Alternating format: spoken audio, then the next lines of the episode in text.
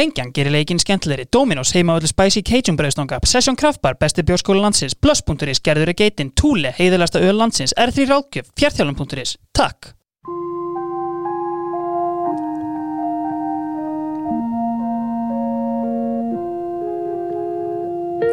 Svona var sumarið er fótbolta hlaðvarp sem kafar ofan í hvert fótbolta sumarið og fætur öðru, eitt í hverjum þætti.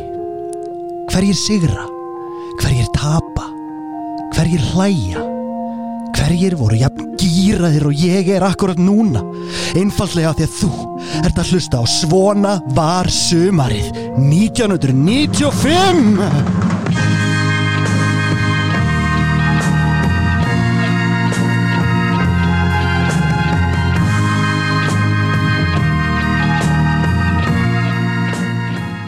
1995, uh, blessaður, Blessaður. ekki bara léttir. Mjög léttir með þess að. Já, herriði, uh, höldum áfram að þakka uh, móttökurnar og leðrætingunum þeim, þeim dembirinn Já. og uh, hotnið er sem fyrr í bóði Túle Túle er auðvitað það heiðarlegast á markanum í dag léttbjór, allir léttir og heiðarlegin í dósinni skín í gegn og, og þeir tóku saman fyrir okkur allar leðrætingarnar og uh, þær halda sjálfsögðu áfram sko við glemtum alltaf að minnast á það að hérna, sko Good Johnson setur metið þarna í fyrstu umferð sem yngsti leikmaðurinn Já. en bara veist, til að halda öllu og veist, okkur er mjög andum öll met þetta met var slegið í loka umferðinni af Nike konginum Átna Inga Pétursinni Já. og hann var með þetta met alveg heil lengi Var Kristján Guðmunds að þjálfa hann? eða? það var Gauji, Gauji Þórðar Átni var í KR sko og hérna þannig að Gauji setur hann þetta inn á í loka leika móti val, tákrand kannski að Gutti var ekki hérna í liðinu.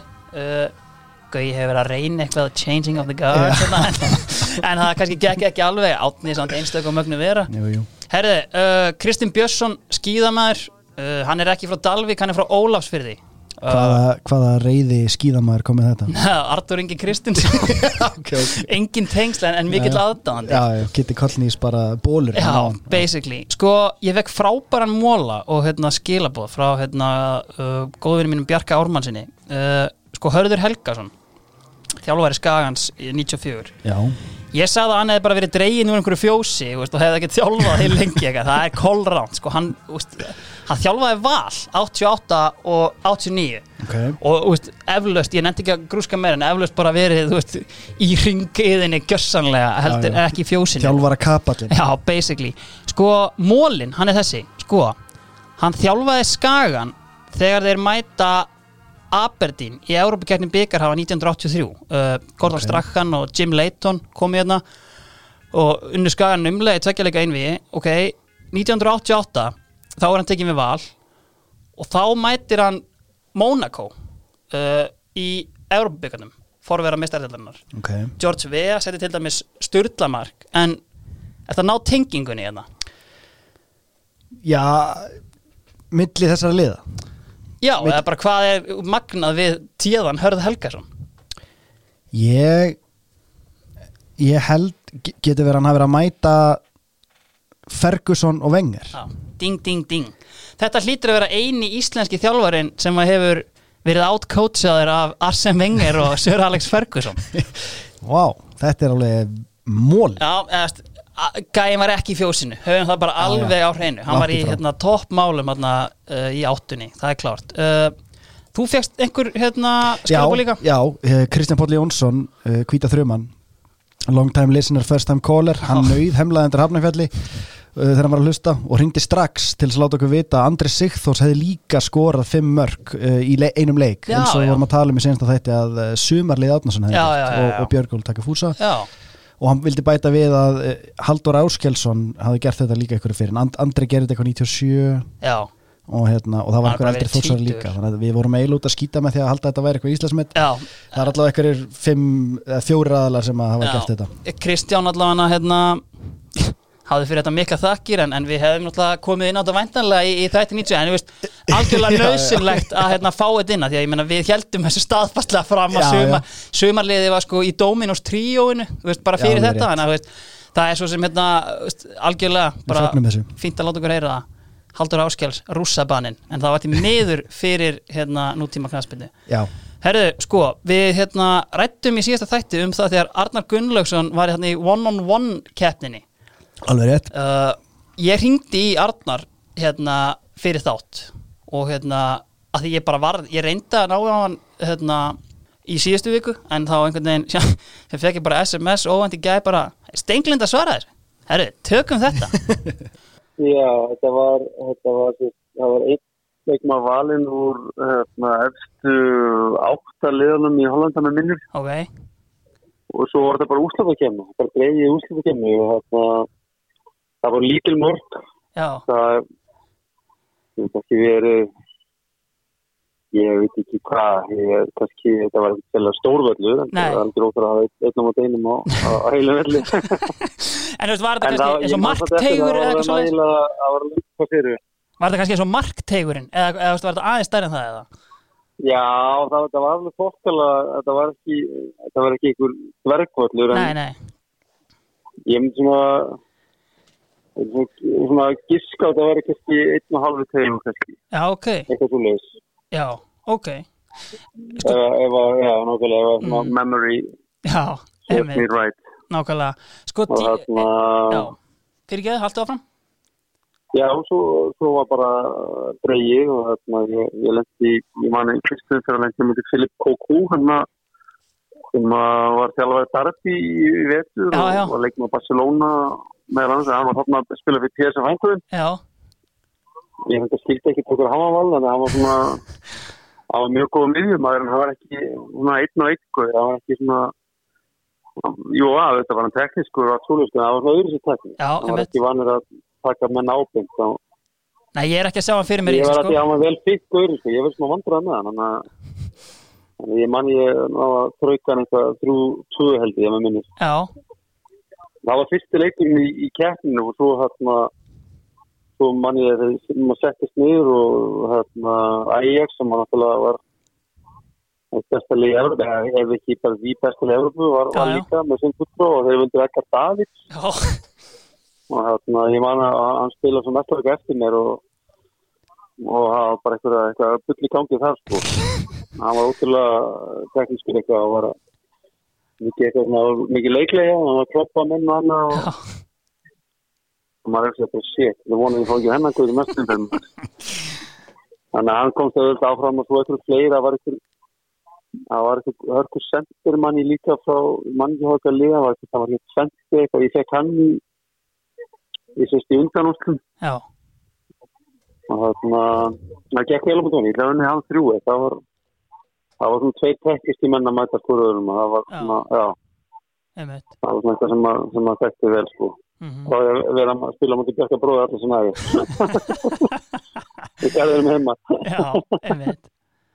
Og þá erum við komin í hann, og svo var það eitthvað ja, eitthvað dag sem var náttúrulega sinnilegt frekar öðvölda og svo mættist ég þarna í ústileik og að- að- svona regluna já að það að þurfti að vinna fyrstur upp í þrjúmörk mm og leikur um þetta fyrir kóku og þetta var mjög langum mann ég man að áhörðu var að falla að gespa hana. Það náðum ekki að það. Var 2-2 heil lengi sko en en hann mútið eitthvað Davids það átti alveg fína leik og var komin í 2-1 Já, og fekk ekki dauða færi einhvern veginn, hann náði veginn að sóla fekar utalega, hann þú skauti einhvern veginn framhjá og, og svo jafna hann 2-2 og svo kom eitthvað tvæ frá sóknir þessum við fengum til skipti sko. Mm. En svo kláraði mig með einhverju fáralegu marki, hann tók hann einhvern veginn á hælinni gegn klóði á mér og núna er ekki íkja sko, þetta var bara eitthvað rugg sko. Og, þarna, og hann vann 3-2 Sko, finnst þér ekkert áhugavert eða þú veist, kannski var það bara á þessum tíma en að þú veist að íslenska pressan hafi nákvæmlega ekkert pælt í þessu? Já, já, ég held að þetta sé bara tíminn ég. Held að þetta er alltaf með í gangi núna einhvern veginn. Þetta hefði klálega verið öruglega að þetta sko höfmyndin var þetta var mjög vinsalt sjónastáttur í Hollandi sem að sem að var ekkert endilega ísöfnáttur með minni. Já, þetta var sínt alltaf þetta var svo hver umferð var sínt á einhverju fyrstasa löðskvöld það var svona að tala með hemma gunni eitthvað þannig þáttur sko. og þarna nema hvað við tókum þetta alltaf upp bara einu degi einu degi en maður gæti ekki að mæta hann fyrir einhverja fimm mínútur sko. Nei, já, einmitt og fólk var lengi að spurja mig eftir að ég komst í undan og skrifu bara, ég vona að vinna leikin og ég vildi ekki, ég manni, ég vildi ekki vera eiginlega stemningun og segja, er, ég er alveg búin að tapa leikin þannig að það var sig svona eitt mánu eitthvað sem Já. og ég lengum að tapa og og já, ég bara, ég bara takk hérlega,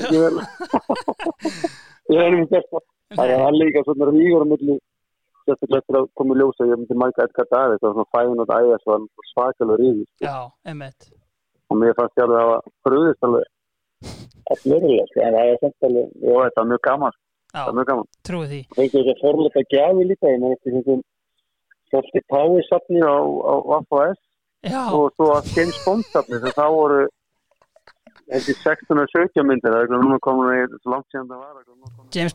ekki það það uh, hollandska pressan þarf að uppdata Arnar Gunnlaugs, gefa honum fleiri myndir. Sko við verðum bara að ræða þetta aðeins meira. Sko, hvernig sérðu völlin fyrir þér? Hann segir hérna einn og hálfur teigur. Ég áttum ekki á hvort að meina markteigur eh, hann veinar valla Nei, vítateigur. Ég held að þetta hljóta vera svona eins og þessi evrópski gödubolti, þetta er svona bara skólavöllur. Þetta er Malbygg, þetta er alveg svona hérna Það er alltaf ekki sens að hafa spilað á Malbyggi af því hann talaði um einhverja fans. Ég sé þetta bara fyrir mér í stúdíu Þetta er, þetta er Nike Cage stærðavelli. Þetta er þar sko. Mhm. ég, ég meina, fyrir mér er þetta bara svo geðveitt ég, ég sé fyrir mér reglurnar sko þú, má, þú verður að vera komin í miðju til að skora. Mm, Hvernig mörg Þannig að er þetta er þetta? bara svona Ísokki ísokki eða að þú ert komin- þarft að vera komin í miðju þú veist, þú reynir ekki að vera allan daginn sko, þú veist, þannig að Nei. gæti verið að handbolta sér nóg eða þú þarft að vera komin að því að þú veist, Já. þetta er bara maður og mann þú, Kókó er bara mættur í hápærisun á miðinni já, eða, þú, veist, þú manst eftir þessum æfingum þegar þú varst yngri þar sem það var einn og einn og þú þurftir að koma honum í gegnum einhverja keilur Já, eitthvað, þetta, hata tekur þvílíkt á sko. Já, já, fyrir mann í yfirþyngd þetta var það versta sem ég lendi í sko Já, ég elska þetta Ég var líka, ég þetta var, þetta, fá smá kontakt en Já. þetta var svona, að þú ímyndar að vera að spila upp í þrjú þetta er bara svona, Já, þetta minnst það ógæslega skemmtilega koncept Vistu, það var svona ég nokkru hluti sem ég nöyt við þarna og veist, hann var í smá vandræði með Philip Kókó en skildi samt ekki alveg hvað hann var að gera þarna. Er spilaði með. Barcelona og hérna, 100 leiki fyrir Holland eitthvað. Sko hann er væntalega að tala um sko Gerald Sipon sko fyrir um framherja Sheffield Wednesday sem þessi hérna turn hann frá Twente sem hann mætir. Og er man ekki bara hver hann, hann heitir sko. þetta er sem að sko Arnur Smára spilaði með honum. Uh, hann kom inn í draumalið og talaði virkilega vel um hann sko ég, er, enda- ég myndi alveg setja spurningamarki við akkur hann eða, veist, þetta er svona, er það sendt hann? þú velur ekkit Peter Crouch í streetball 1 á 1 mót.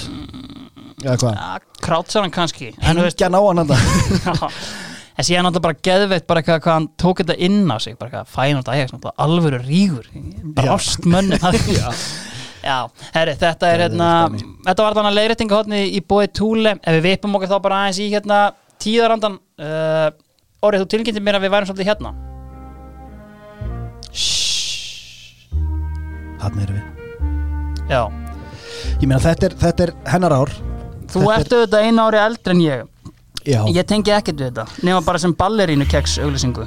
Já sko þetta þetta er hérna einhvern veginn maður er að horfa á barnatíman og það er alltaf svona inn á milli tónlistamindband og það er meðal þetta It's oh so quiet þetta er bara á rúf eða?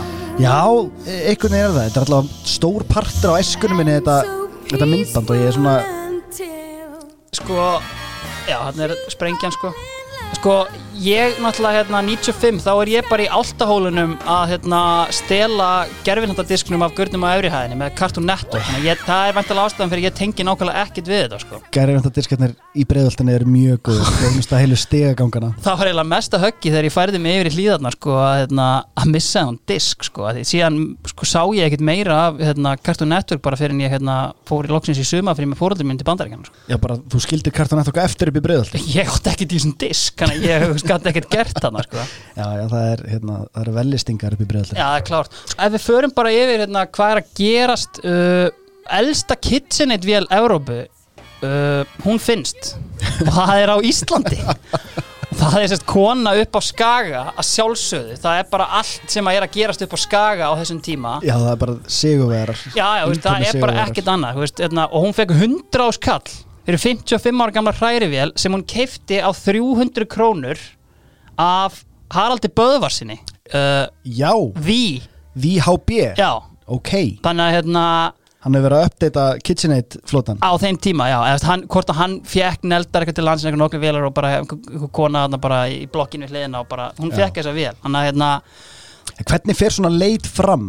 það var bara, sko, það var eitthvað átak hjá KitchenAid í Európu og, það- og bara, þú veist, hérna gæinn sem er með hérna KitchenAid á Íslandi, hann bara auglýsir eftir þessu. Já, já, já og bara elsta vélinn sem kemur er bara sigurveri okkar, síðan fer það í einhvern pott í Európu og bara, Európa-mestaramótið í elstu KitchenAid þú mikli höfðingi hérna, hvað heitir þessi kona? Hún heitir hvað heitir hún?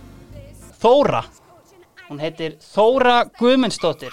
84 ára gömul húsmóðir á Akranesi ef einhver Þetta þekkir til Þóru hún er mentalega farin yfir móðuna miklu en henni, veist, ég var gjarnan til í að heyra hvað hún gerði við hennan pening sem að KitchenAid þetta- í Hamburg gaf Þetta henni er að þarna. erfast þarna kynslu eftir kynslu upp á skaga Það er alveg potið. Sko, annað sem er í gangi, mér varst geðið fyndið, fyndið, mér varst bara svona, veist, sko, Kristján Jóhansson, hann er mikið í fréttum, óperusöngurinn, Ok, en náttúrulega mikið hérna úti á þessum tíma, síðan kemur hann til Íslands og, og veist, það er eitthvað svona deilur um tekjur og, og eitthvað svoleiðis og hann er eitthvað, hann er að byggja um eitthvað x-pening eða eitthvað, eitthvað álga og, og, og líðurinn er ekkert hrifin að þessu. Og hann lendir í aðsúgi í kringlunni þegar hann er með fjölskyldinu sinni. Frá, sko ekki nóg ekki, það er ekki bara einhverjir skilur miðflokkskongar það er bara, það er börn og unlingar sem röktu hann og fjölskyldan svo til kringlinni með munnsöfnu og dónaskap. Er furða að gæinn gæinn og líði betur á Ítali og gæ, sko, á viðtali bróður hans bara, veist, þetta er náttúrulega ekki nema veist, eins og einhver börn og unlingar séu bara Já, já. að deyja yfir því að vera ekki Kristján Jóhansson með látún sparkan en sko hann náttúrulega kom ekki droslega vel fram hann var miskilin í kastljósinu á sín tíma líka. Já, alveg klart, fyrir mig það náttúrulega síðar við erum alltaf að rekja að burt. Já, sko Halim Al uh, maður sem ég tengi ekkert svona briljantli við sko en veist, þetta var the shit hjá DFF og DFF þeir basically settu frakka á hann. Bara, þú veist, hérna þú veist, bara maður á mann vörn já, og sendu bara mann til Istanbul sem að var bara stöðugt á áreitan og hérna endaði með því að Halim tók bara blaðmann og barða já, já, hann eitthvað reyndi eitthvað veist, hvort hann kom heim og þá var bara blaðamæðurinn eitthvað, blaðamæðurinn þetta útskýrir þetta sjálfur í einhverju langri grein. Ég var nú bara mættur til þess að aðeins að heyri í honum bara eitthvað, þá mætti hann gangut fund með Sofíu sko og hann er að taka einhverja myndir og Hali mætir og bara tjúlast og beður um að fá myndavélina og er að reyna að rífa hana á honum. Og þeir eru svona að, úst, tóg, hann er að reyna að tóga í bandi og hinn rík heldur eitthvað.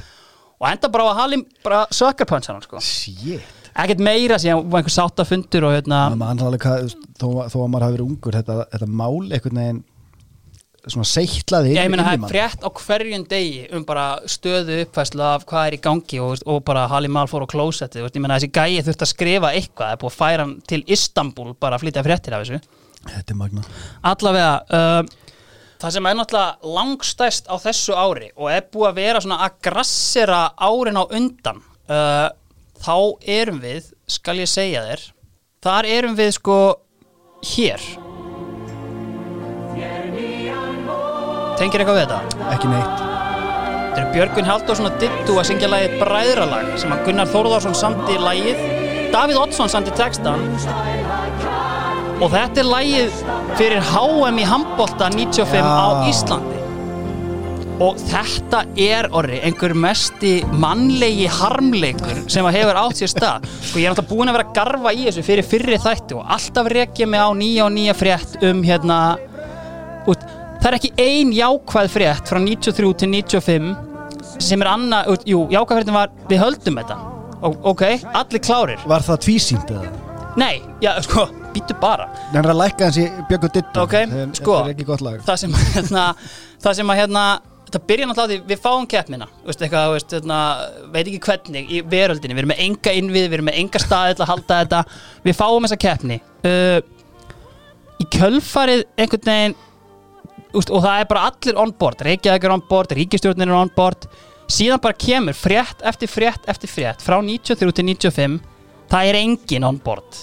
Það er bara, þú veist sko, Ingibjörg Solrún mæti þarna bara er, það er náttúrulega ekki fræðilegum möguleikja við sem fara að byggja einhverja höll hérna á kostnað hérna, á kostnað borgarina sko og, og þetta er bara allt í volli. Og einhvern veginn, ég held sko að þessir gaurar hafi haldið að þetta væri bara jackpot, þeir eru hinga að koma bara ferðamenn, Einmitt. það verður nóg að gera. Við erum að fara að Miðstöð. fylla kaplakrikkan og eitthvað, þú veist dæmi, Rúmenía Túnis í kaplakrika. Innborguðu sig átta manns. Þú veist, það eru 60 í gæslinni. Þú veist, þannig að þú veist, þetta er bara sko þú veist, algjört grín. Og, og sko það sem að mest er í þessu HSI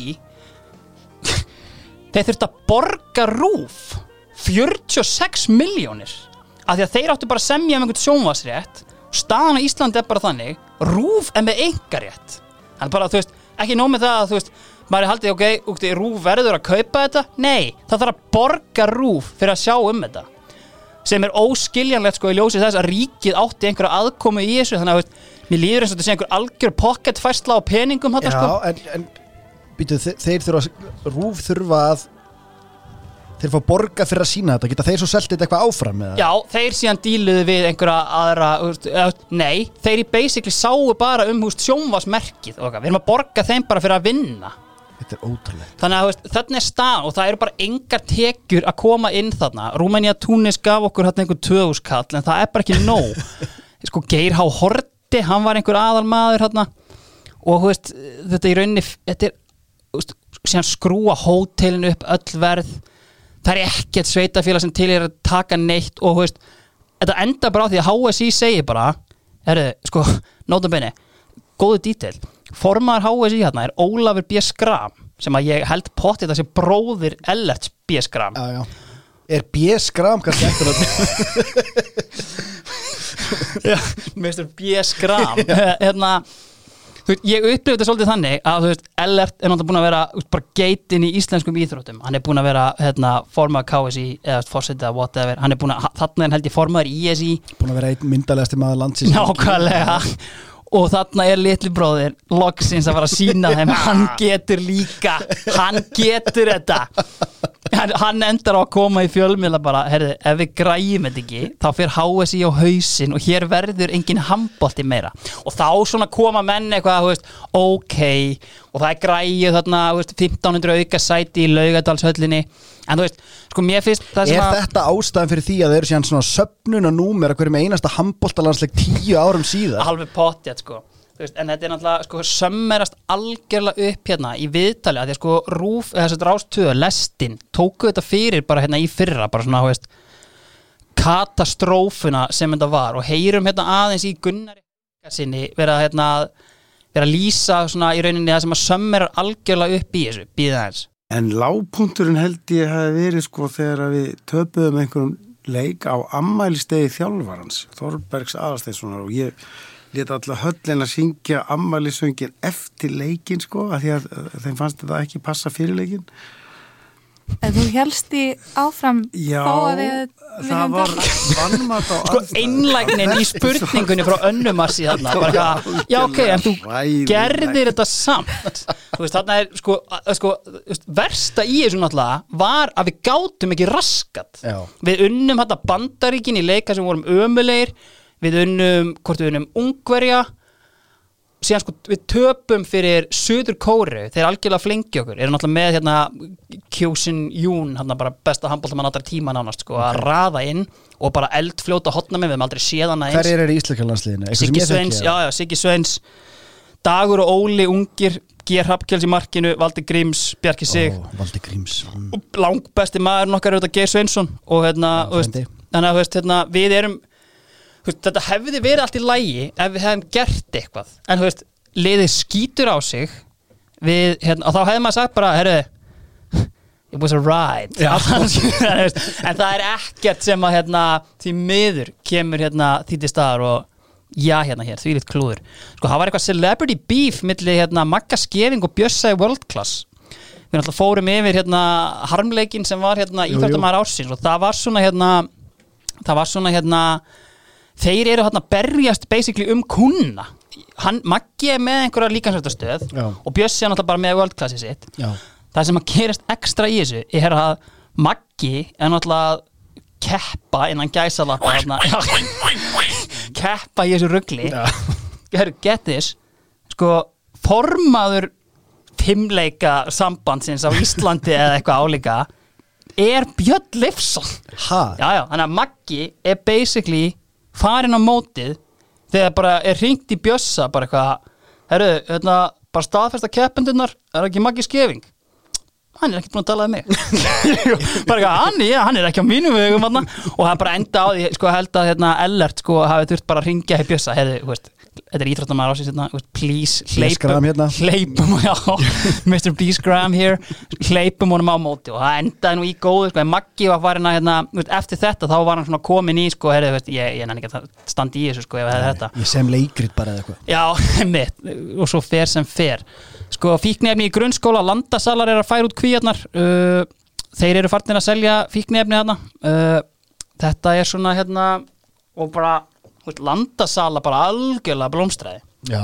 Þannig að, þú veist, hérna, og, og grunnskólanir nutu góðs af uh, Tæknin í umgjafel í framleyslinni eða eitthvað? Já, nei, það var basically bara einhver svona hérna, nýr mekanismi í sölu. Þú veist, þetta var bara eitthvað, heyrðu, viltu landa? Nei, ok, hvað með kókain? Eða hass, ég, sé þetta þannig fyrir mér einhvern veginn. Hættu spilið Já, einmitt, en sko síðan hérna En sko varandi magga skefing uh, Hefur ekki bara bombað því hérna inn? Að Því við náttúrulega, veist, hérna, það sköpust gríðarlegar umræður Um hérna Um í rauninni bara, veist, þetta dæmi með Olgu Og Já, bara svona já. hvernig þetta hefði borið að.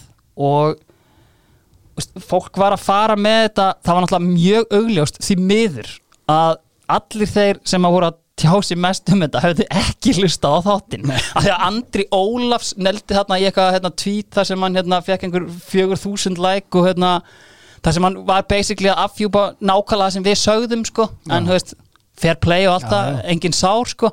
En, en þetta fór svolítið mikið að snúast út í hérna, það er til dæmis engin kveikt á þeim punkti sem við sögðum skilur Ásta B og Vanda Sigurgers úr blikaleginu eru þarna, Já. þannig að fyrir mér er þetta ekki kynja umræða. Nei, þetta er persónlegt Ég held það, eða, þannig var ég allavega að tengja við þetta sko. Allavega við bara, veist, við verðum að fá einhversla svör og við ringdum í hérna Víðir sig. Uh, fáum bara að heyra hvað hérna Víðir sagði um þetta.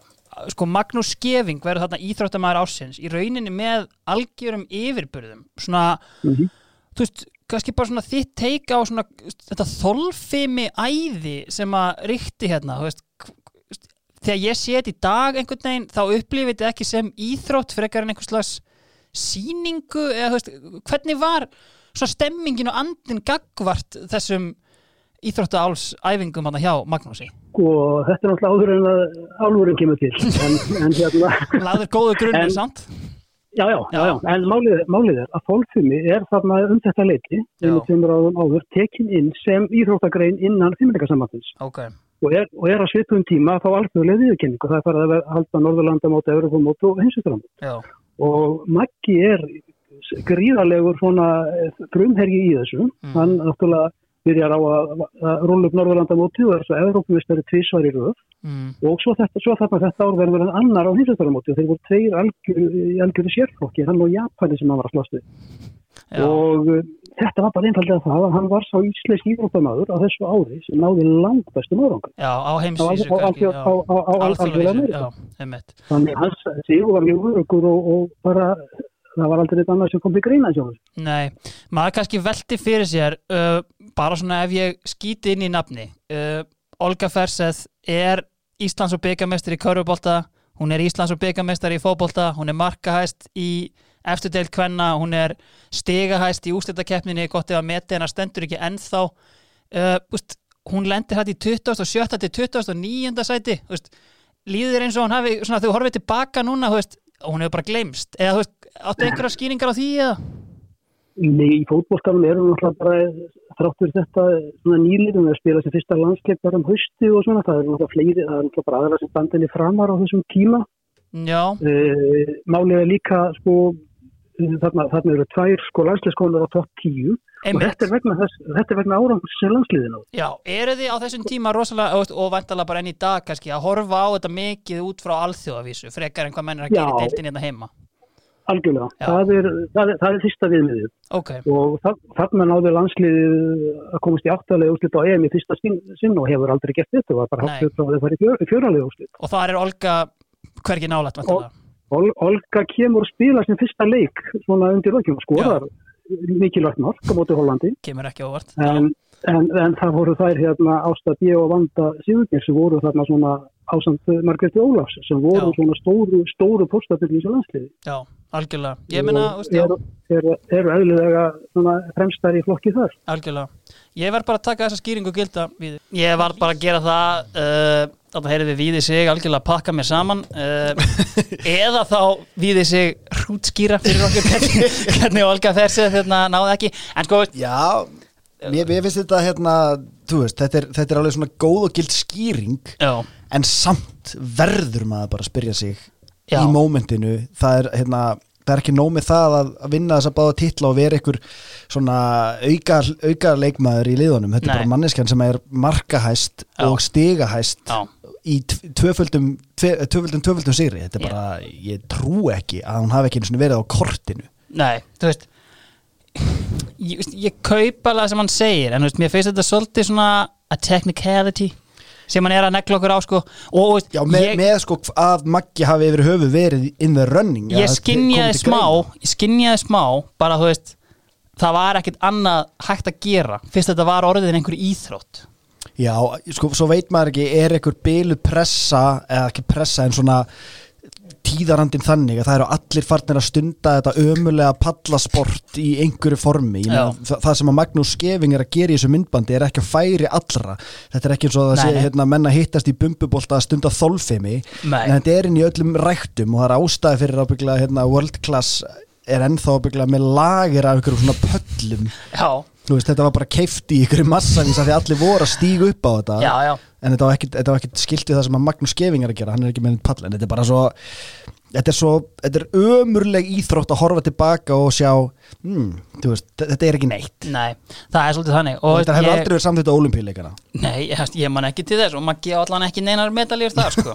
reyndar ekkit frekar en Olga Fers en, en veist, þetta er svona, kannski við kannski lokum þessari sorglegu umræða hér þú veist, einhverjir kunna kannski að, hérna, þú veist, akkur þjarma hann ekki meira víði, en þú veist, ég hef víðir svo góð Víðir gauður að er ekki sjens að ég sé að fara, þú veist, þetta var bara þeirra skýring já, já, og þetta er bara okkar fremsti gæi ég minna, hann er geggjaður og hann, hann útskýrir þetta svona og við, við bara hérna gúttir um það. Já, já, veist, það er allan bara, þú veist, einhver útskýring komin. Já, já. Sko, uh, aftur að víði. Sko, víði er þarna blaðmar og djefaf Mm. og það sem ég nautum er náttúrulega að þetta byrjar fyrir alvöru íslenska fantasíð draumalið stilt djefaf byrjar.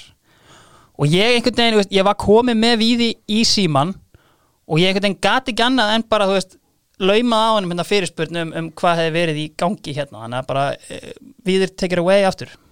Það var svolítið skemmtilega aðdragandi að þessu því að hérna, við komumst í samband við tímariti Shoot í Englandi Já, sem að hérna margir þekkja frá þessum tíma. Þetta var, var allir sem fylgdist með ennska bóltan þegar keftu Shoot. Einmitt.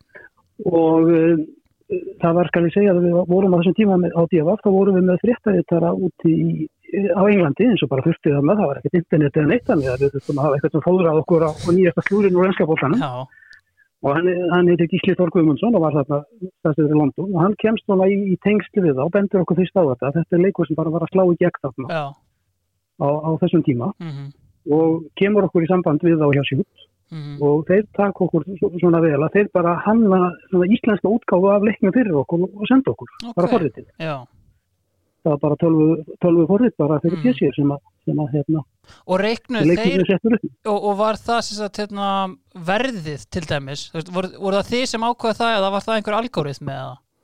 Við ákvæmum það. Já, já, við, bara, við, við hérna, byggum það bara til í við minnum við haft hérna þá að þessu tíma voru sko stuðlar á leikmannum já, já, já, við höfum frá KSI við höfum Já. þá til hlýðsjónu já, ég skil Já, og vorum alltaf bara með náða sem að kostuðu 500.000 og vækka svo, svo svona í 50.000 sko. emitt það, Það sem, svona, já, það sem manni finnst kannski svona aðtiklisverðast við þetta þegar maður er að renna í gegnum þetta maður sér, þú veist, félagsskiptablaðið er eitthvað sem þetta klippa út og djefa og senda inn uh, veist, og allt svona, veist, þetta er alltaf byrt í hérna, þetta er alltaf byrt í blaðinu, ústlitin og, og hvernig staðan er og svona veist, þetta, fyrir krakka sem er fættur svona kannski 2002, þá finnst það um þetta fjárstæðu kjent, það sem ég velti kannski fyrir mér, svona umgjörðin og vinnan í kringum þetta, var þetta ekki bilað að halda utan um þetta? jú, það má alveg segja það. Þetta var, þetta var gríðalegt æfintýri skal ég segja. Og hérna máli var, við fengum, jú, fengum þetta forrit og þetta var hérna, þetta er, þetta er í, í, bara í PC-tölvu já, og, sem, og þetta var bara mjög fullkomið á þessum tíma. Já, en uh, við þurftum náttúrulega þá að, að mata inn, setja leikmunina inn í þetta kerfi. Já, og svo þurftum við, við fengum hvern einasta atkvað segil fyrir sig í pósti frá lesundum og þurftum við að, að hérna slá inn hvert einasta lið. Já, inn í kerfið, alla ellu já. leikmunina og þetta voru sko, þetta voru þúsundir liðar já, ég sá þetta var Þannig að- 1400 lið, sko, sem að það var 1400 fyrsta, fyrsta, það var 1400 fyrsta ári Já, um og síðan bara bæði, síðan bara helt þetta áfram að, að vaksa, þetta var alveg magnað fyrirbæri. Já, en síðan til dæmis eitt sem að ég hugsaði sem að var hérna þá var einhver, á einhverjum tímapunkti var komið einhver stað svona símatorg. Var það einhver Mhm. símsvari eða einhver mekanismi eða var þú veist, það sem að ég ímyndaði mér væri einhver geggjaðu maður bara að taka við símtölum? Er ég of hérna, hérna? Já, við vorum komin aðeins lengur á þróunabrautinu en það Símatorg, eh, símatorg hérna DFF var mjög þekkt fyrirbæri á þessum tíma sko, og veitti alls konar, alls konar þjónustu meðan annars frétta þjónustu ég og þú hringdi bara, þú hringdi bara í þetta númer Mm. slóst inn númerið sem þú hafði þurfti að sjá á þínu liði í blaðinu. DFF byrti bara öll 1400 nöfnum á liðinu. Og, hérna, og hver, hvernig fekk sitt númer. Já, og þú, þú notaðir þetta númer þegar þú ringir í símatorg DFF þá slóstu inn númerið og þá, þá heyrðir sem sagt lesið, þá, þá, þá var svona lestur já. þar sem þú- sem heyrðir hérna stöðun á þínu liði. Ég skil og algjörlega gast fengið svona, gast fengið svona með þessi fleiri upplýsingar. Já, en, já þetta, þetta, fyrir mér sko á þessu ári, einhvern veginn 95 þá virkaði þetta það fullkomið að ég trúði því ekki að tölva gæti hafa hleyst þetta sko, þannig að ég var að sjá fyrir mér einhvern meistara í símanum Ég að viðkenna þarna, ég veit ekkert hvað í gangi í 1995 eða hvað símatorg er en veist, þetta er náttúrulega geggja dæmi og veist, hérna sorglegt einhvern veginn, hvernig er farið fyrir uh, að því að náttúrulega þetta er bara kannski á pari við hvernig fantasíð er í dag. Veist, Ég meina, ég, ég hugsa bara, ég á nógu erfitt með að endast heilt tímabili fantasi núna. Já, þú veist, ég hef ekki fókusin í þetta einhvern veginn hvernig Nei. væri þetta að maður þyrfti að vera að sleikja frímerki bara hvert skipt sem maður þarf að gera eitthvað breytingu sko. Já, þetta er allavega vinsælustu leikmæri þetta fyrir mót voru Dæði Dervits, Gummi Ben, Mihailo Bíbesic Marko Tanisic, Óli Adolfs uh, þannig að þetta voru hérna, eins og hann sagði veist, verðin ekki fullkomin en geggjað að hafa startað þessu og, hérna, og fengið þetta ég man alveg eftir þú veist, svona 2002 þú veist, þá er ég á og þú veist, bara að lóta bara er ég ætla að kaupa hennan er, ná mér í kaffibólla og þú veist, hann er að detti inn í liðið mitt og þú veist, ég kaupa hennan Þú þannig er ég, ég spilaði þetta sko Já, hvar, hver var með það þá? Var þetta líka? vísir, Já, vísir, já, já veist, ok. sama veist, þannig að hérna og þá var þetta komið í svona sambærlegt setup og veist, fantasy premjölíkar í dag nema náttúrulega bara veist, en veist, það sem er náttúrulega gali í þessu stigaskori þú veist, það var bara geggjað ef að markmaðurinn var, með, var í pluss eftir tímabilið. Var þetta eitthvað tengt M-ónum eða? Var Nei, var, það var ekki svona, það var bara mark uh, sóknarmaður, varnarmaður, miðjumæður sem var sko, ef svo clean sheet fyrir varnarmann, það var tvö stig fyrir hvert mark sem hann fekk á sig, það var mínus eitt stig, skilur Já, þannig að þú gæst alveg eins bara fyrir tveir, stilla upp í það þannig að geggjuð umferði bara 10-12 stig sko, þannig að það var hérna það er low scoring game, það er Já, skemmtilegt. algjörlega, herðu, förum þá bara yfir í hérna, það sem að menn eru að býða eftir og það er boltinn kannski. Er ekki að taka smá menningu fyrst herðu, jú, endilega. Hvað, Bara hérna, örlitla. já, ok, Já, því að sko það er uh, smá markvært fyrst mér að það er þessi uksaháttíð já. Sem að Já. hérna, er eitthvað svona nettasta sem að, sem að ég hef séð af þessu árið, það sem, það sem ekki cool faktor er þetta þarna smjörsýrufestivalið? Já, menn held að þetta yrði bara eitthvað svona þú veist, eins og við gerum alltaf sem íslensk þjóð að við, við málum skrattan á vegginu Já, já. og, og unga fólkið er að fara, fara sér að voða og eitthvað svo leiðis fór ekki snorri barn í meðferð eftir þetta Eftir uksa? Já. Nei, það var eftir eitthvað hérna, það var eitthvað fullhamtengt Ég man líka Nei, nei, Já. hann hérna Já, jú, hann hefur sannlega tekið þetta sem Já. seinasta, seinasta skipti sitt já, Nei, en, en það var svona þetta fór allavega betur heldur en að fólk þorði að vona held ég en það Ok. voru kannski ekki droslega margir þarna, þetta voru þrjú fjögust mann það sem þetta var í rauninni var tó, tónlistarháttíð en hún var haldin um vestlurum helgi þannig að ég held að margir hafi miskilið að þetta væri útiháttíð en þetta væri í rauninni tónlistarfestival. Já, já. Og þarna eru sko þarna mæta Aphex Twin, Prodigy Drum Club. Prodigy? Já, Technova ég veit, nú er ég farin að koma í bylli sko. Chapter House, Ok. 321 You had me at Prodigy, þeir, eru, og þeir eru búin að gefa út Music for the Jilted Generation þarna og eru nettir Mhm. voru mér þess að stoppa þér í tollinu með maður, þetta voru brjálaðir sko, það átti ekki að hleypa þeim inn og þeir sem hafa séð Keith Flint kannski kemur einhverjum á óvart en, en þeir voru brjálæðir og hérna, ætlaði að gera málur því og ætlaði ekki að spila það var fullt af einhverjum litlum klúðurum á Já. þessu festivali, Björk var þarna og það var allt í fokki þegar hún var að spila en þeir þrjú fjögust mann sem mættu þarna þeir tala um þetta bara sem þú veist, maður hefur heyrt fólk sem hefur verið þarna Mm. þetta er það besta sem hefur gerst á. Íslandi. Og þetta er mjög svona nett, ég meina í okkar tíð hafa verið einhverja svona festival. Já, en cool faktorinn þarna ég veit ekki hvort það sé ykkur fortíðaljómi eða hvað það Já. er en, en þetta er ógeðslega nett gæjalegt getur við sagt. Uh, svo náttúrulega kíkti ég á Eurovision. Já, ég hérna gat ekki sleppt í nei. Og þarna erum við í fyrsta skipti að velja lag í reikfylltu bakherbergi þarna er ekki undankefni það er bara komissjónaður maður svo Já. sletti. Björgvin Halldórsson. Hann náttúrulega gati ekki unnið undan keppnin Hann einhvern veginn var hann að komast út. Hann tekur þátt í undakefni 86, Já. 87 88, 89 90 og 92 Já, og gefst upp. Fær svo eitthvað svona. 95, herri, þú mátt fara. Og hann náttúrulega búin að býða og býða að hann ringir í 30 lagahöfunda. Nú skal gera þetta vel.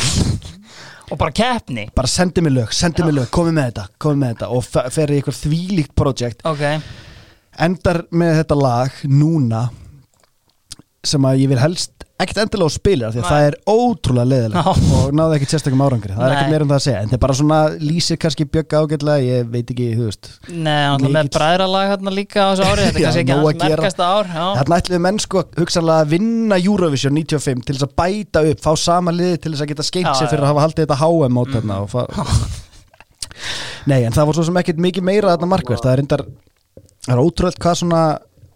grúsk getur verið mikið sálfræði meðferð. Það maður er einhvern veginn að rifja upp alls konar hluti. Í senasta þætti var hérna var ég að rifja upp ykkur senur sem hefði haft áhrif á mig og ég fann Já. bara svona þegar ég sá þetta, vá, ok, þarna Já. er eitthvað, það er eitthvað áfall í fortíminni sem ég Já. hef ekki gert upp.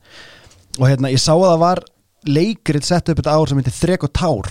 Já, já, og einhvern veginn hef ég séð þetta leikrið já, og já. ég, ég er fimm ára þegar þetta hérna, er sínt Menningar fullu heimilin á það Já, sko, ég, ég fór eitthvað að hugsa þetta og það er moment í þessu leikrið þar sem einn sögupersonan fer með sjálfsmorð hingir sig, mjög grafíst og þetta er eitthvað sem alveg bara er þarna Já. og hefur alla tíð verið þarna. Já, ég fór bara eitthvað svona að hugsa ég er fimm ára og þetta er eitthvað svona vel fullorðins leikrit.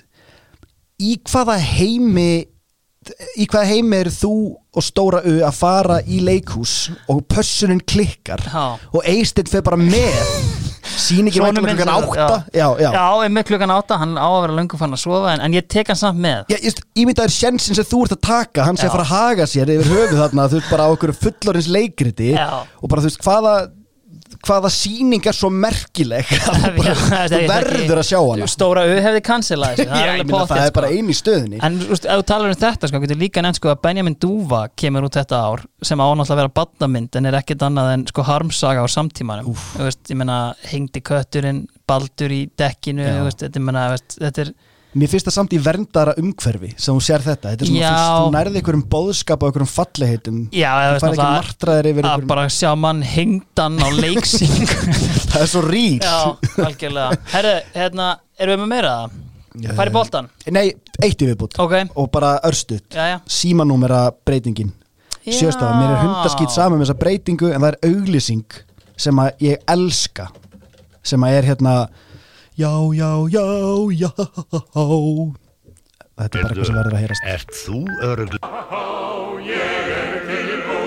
Við færi sjöstafa símanúmer. Já, og það eru allir klárir.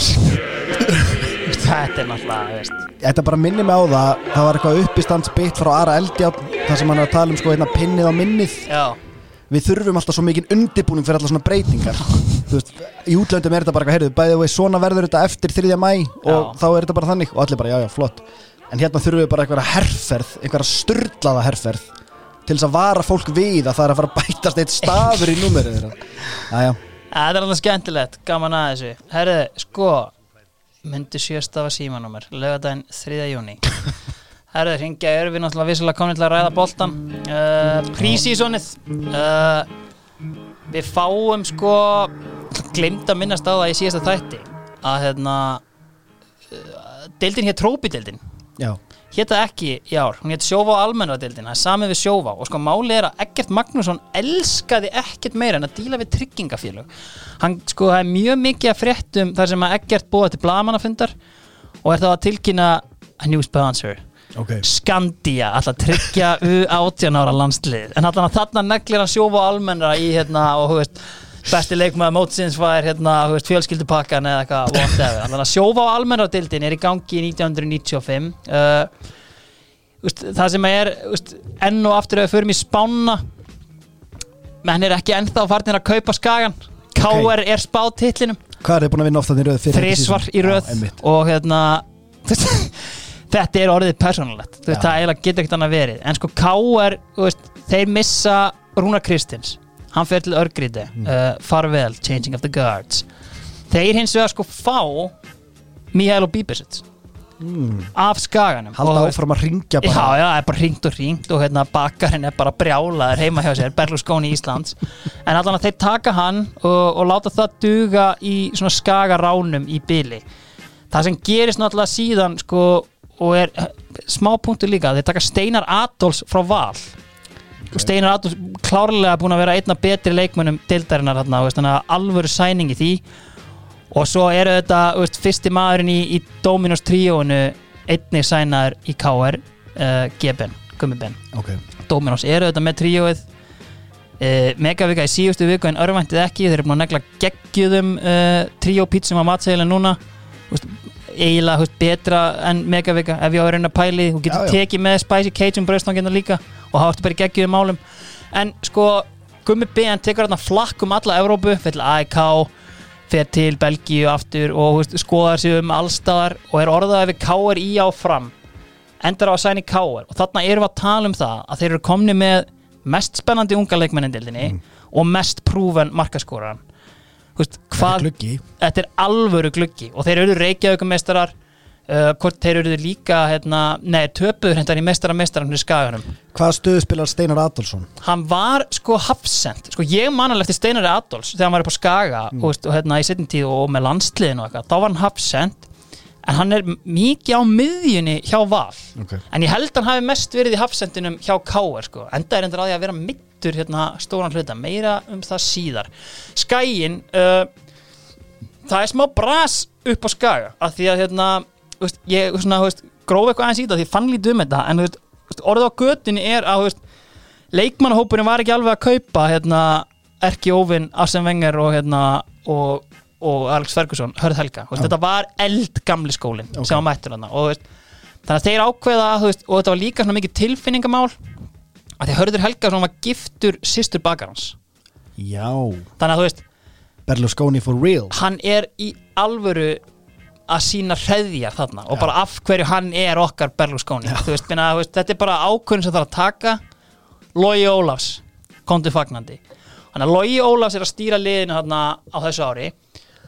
Og þú veist, í staðin fyrir Bíbersits kemur einhver annar júki Dejan Stojits uh, ágætis vonir bundnar við hann þannig að veist, það er hérna og það er eiginlega eina sem þið gerir í þessum glugga sko. þannig að veist, farin í móti bara með skagamenn gamla- og gamla bara góða. gamla bandi það er bara mætt þarna sko. uh, upp úr deildinni sérst upp úr annari deildinni árið áður komu leiftur uh, efstu deild í annað skipti í sögunni leiftur keiftur og það var mikill meðbyr hérna á Ólasfyrða því karvan var líka blásið í einhverja herlúður á þarna minna reyndar hýrt af einhverjum fræðarfyrum þar þarna er sko kraftaverkamaður að hérna, þjálfaliði, Óskar Ingi Myndarsson uh, og það er blásið í góða herlúra eins og ég komin á hann. Sko, stærsta sæni hlýtur að vera Gunnar Oddsson wow.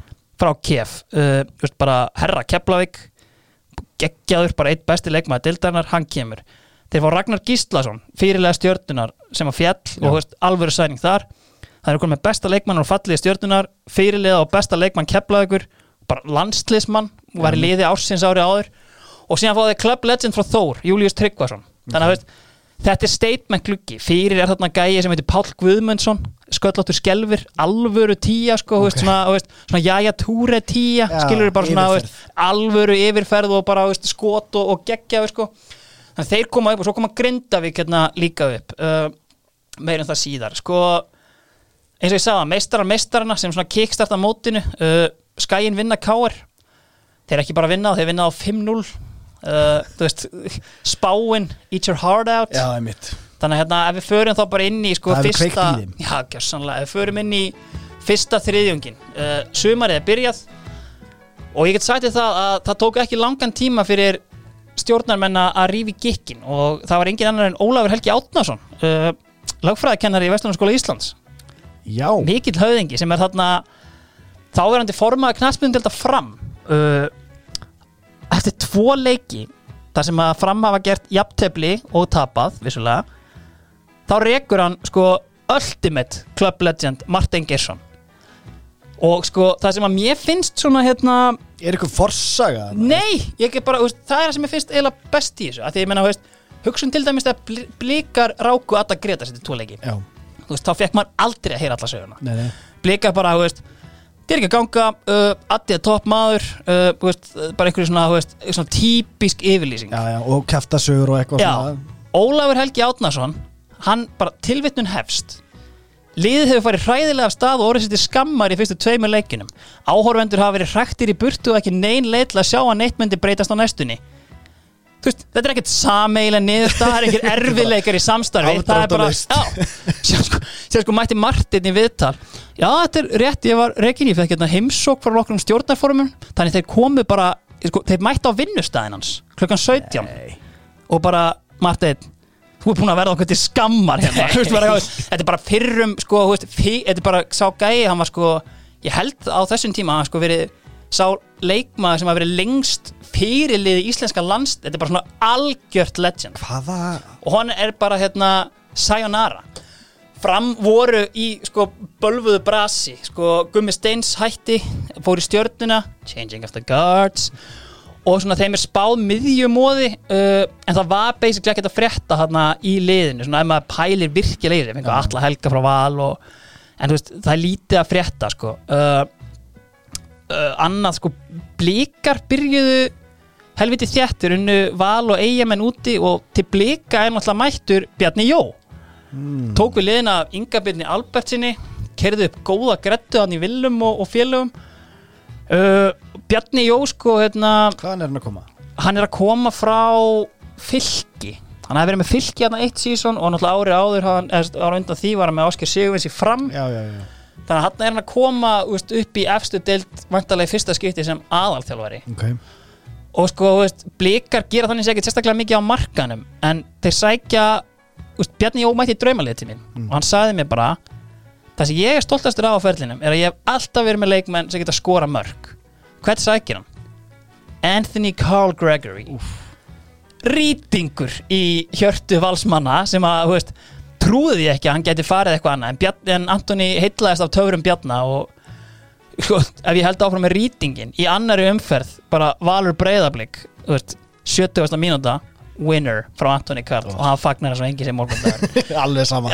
Gjös, já, bara hrikalegt sko. Og hérna og svo hérna sko Grindavík þeir eru hérna hini nýlegaðnir Luka Kostic að þjálfa. Já og þar eru við með sko lið sem er í fyrsta skipti í sögunni í eftir deild. Ok. Og lengi vel sko átti Grindavík sko voru þeir það lið sem að hafi lengst verið uppi eftir, nei, sorry. Eftir að Valur fjall 99 Já. þá voru Grindavík tæknilega séð eina lið sem hafi aldrei fallið úr eftir deild.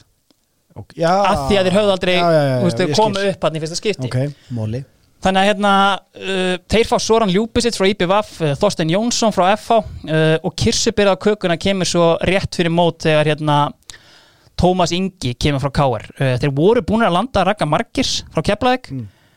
hann bara beilaði eftir tvo mánu bara Grindavík er ekki fyrir mig. Ég er farin aftur í Keflavík.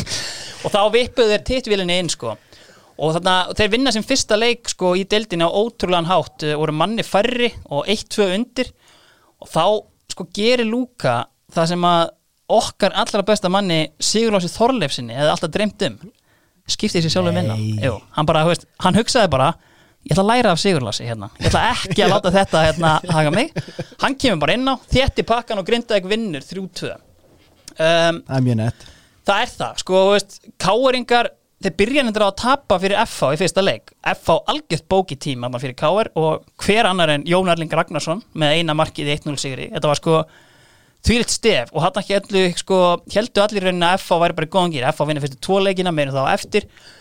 Og það sem að gerist í annari umferðin er að K.R. vinnur fram og K.R. byrjaði ágætlega síðan eftir þetta, ég heldur að vinni þrjá í röð eitthvað svo leiðis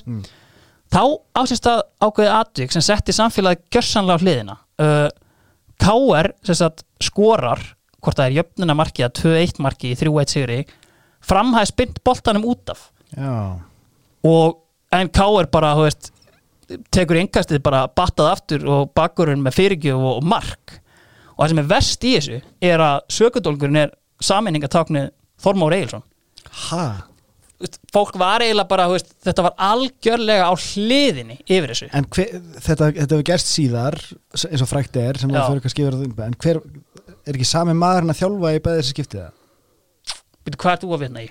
Er, ekki, þegar Bjarni skorar hann Já, jú, það er það er rétt bara Já, hann Tekur enga elskaði þetta. nei, nei, nei, nei, sko Eggert Magnússon þetta gefa út yfirlýsingu bara og hérna sjatla málin. Sko eftir fimm leiki uh, Ingi Björn, hann náttúrulega hafði hætt með breyðablик Já. uh, og tók við Keflavík en Ingi Björn var samt í einhverjum sko, þarna líka alþingismadur og hann var greinilega með marga potta í, hérna, í gangi, hann er rekin eftir fimm leiki. Marga potta á grillinu. Já, að sjóða vel sko. Og hérna og það var bara mjög hérna svona sambarilegt og við hérna veist, við yfirlýsinguna frá Óla Átna, lögfræði kennara Já. það var bara hérna heilt yfir sér stjórnin ekki fram á að skemmtilegt sumar sé í gangi með ynga í brunni Já, afdráttalösi þetta var hérna, þetta var mikið hérna, þræti epli og, og hérna, margar yfirlýsingar sem enda á svona sameigilegri, þægilegri yfirlýsingu. Að þú veist, þeir sko sögðunum upp en samkvæmt samningi máttu þeir ekki segja hann upp. Þannig að bara, veist, þeir basically sögðu bara ekki koma. Ekki Nei, og við bara borgum þeir. Og síðan bara segjum við upp samningu þegar við megjum það. Og hvað hva kemur í staðinn? í staðinn kom það er frábær spurning. Uh, hvar var ég með þetta? Nei sko það kom ekkert annað í staðinn. Það var bara veist, markmannstjálfarin eða eitthvað hérna, bara eitthvað interim. Já bara veist, Þorsteinn Bjarnason eða eitthvað álíka bara, veist, var bara á línunni og hérna og það var rauninni bara, það var bara veist, hann var bara settur til hliðar, þið bara basically voru ekki til í að hafa hann það er mjög skrítið. Já, þannig að hérna, veist, það var reyna sem verið í gangi þar. En Ok. okay. veist, síðan er náttúrulega leikur hérna, eins og komin á hann KF er flotta stað eftir þetta tap hérna en síðan kemur auðvitað bara það sem að KF lendir alltaf í, þeir mæta skaganum. Og það er bara alltaf þægilegur 2-0 sigur hjá skaganum sem er auðvitað með fullt hús stiga eftir, eftir fyrsta þriðjung sko. sex leikir, sex sigrar og sex stigum á undan þeir, þeir eru samt með í rauninni allt í gangi. Bíbesitt var að skora uh, GBN mætti í liði eftir meðsli mútið víði garði í byggarnum skora eitthvað gali hjólastarspyndumark og eitthvað tvö önnur jafn flott mörk. Og þetta var allt að klikka en skæin eru bara óstöðvandi. Og í rauninni, þar koma Káir á eftir og óvandi blikar með Bjarnar Jó eru komin í tíu stig, sko, ég nefndi Antoni Karláðan þarna er líka gæja nafni Radoslav Lasörik sem átti eftir að reynast þeim helvíti drjúur þetta tímabili, sett einhver 11 mörg sko. ok, og, en eftir góða byrjun sem fer aftur í F-fáingana já, þá var komið helvítis bras hjá mínum manni Óla Jó sem að tók við F-fáliðinu ok.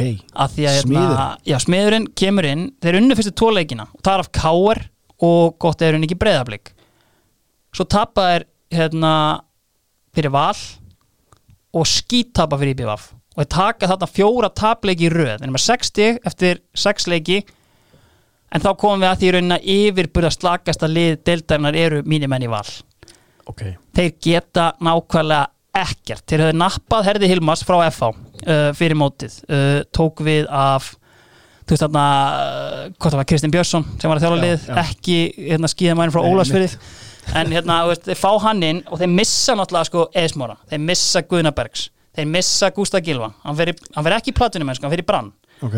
Og þeir missa Steinar Adolfs. Þannig að komið með sko nánast 50% af byrjunliðinu og bara bestu leikmenn í liðinu. Hryggsúluna og ekkert til að tala um sem kemur inn. Þeir fáu þetta meistara Val Valsson þangað sem hann á heima Jú, í. Val.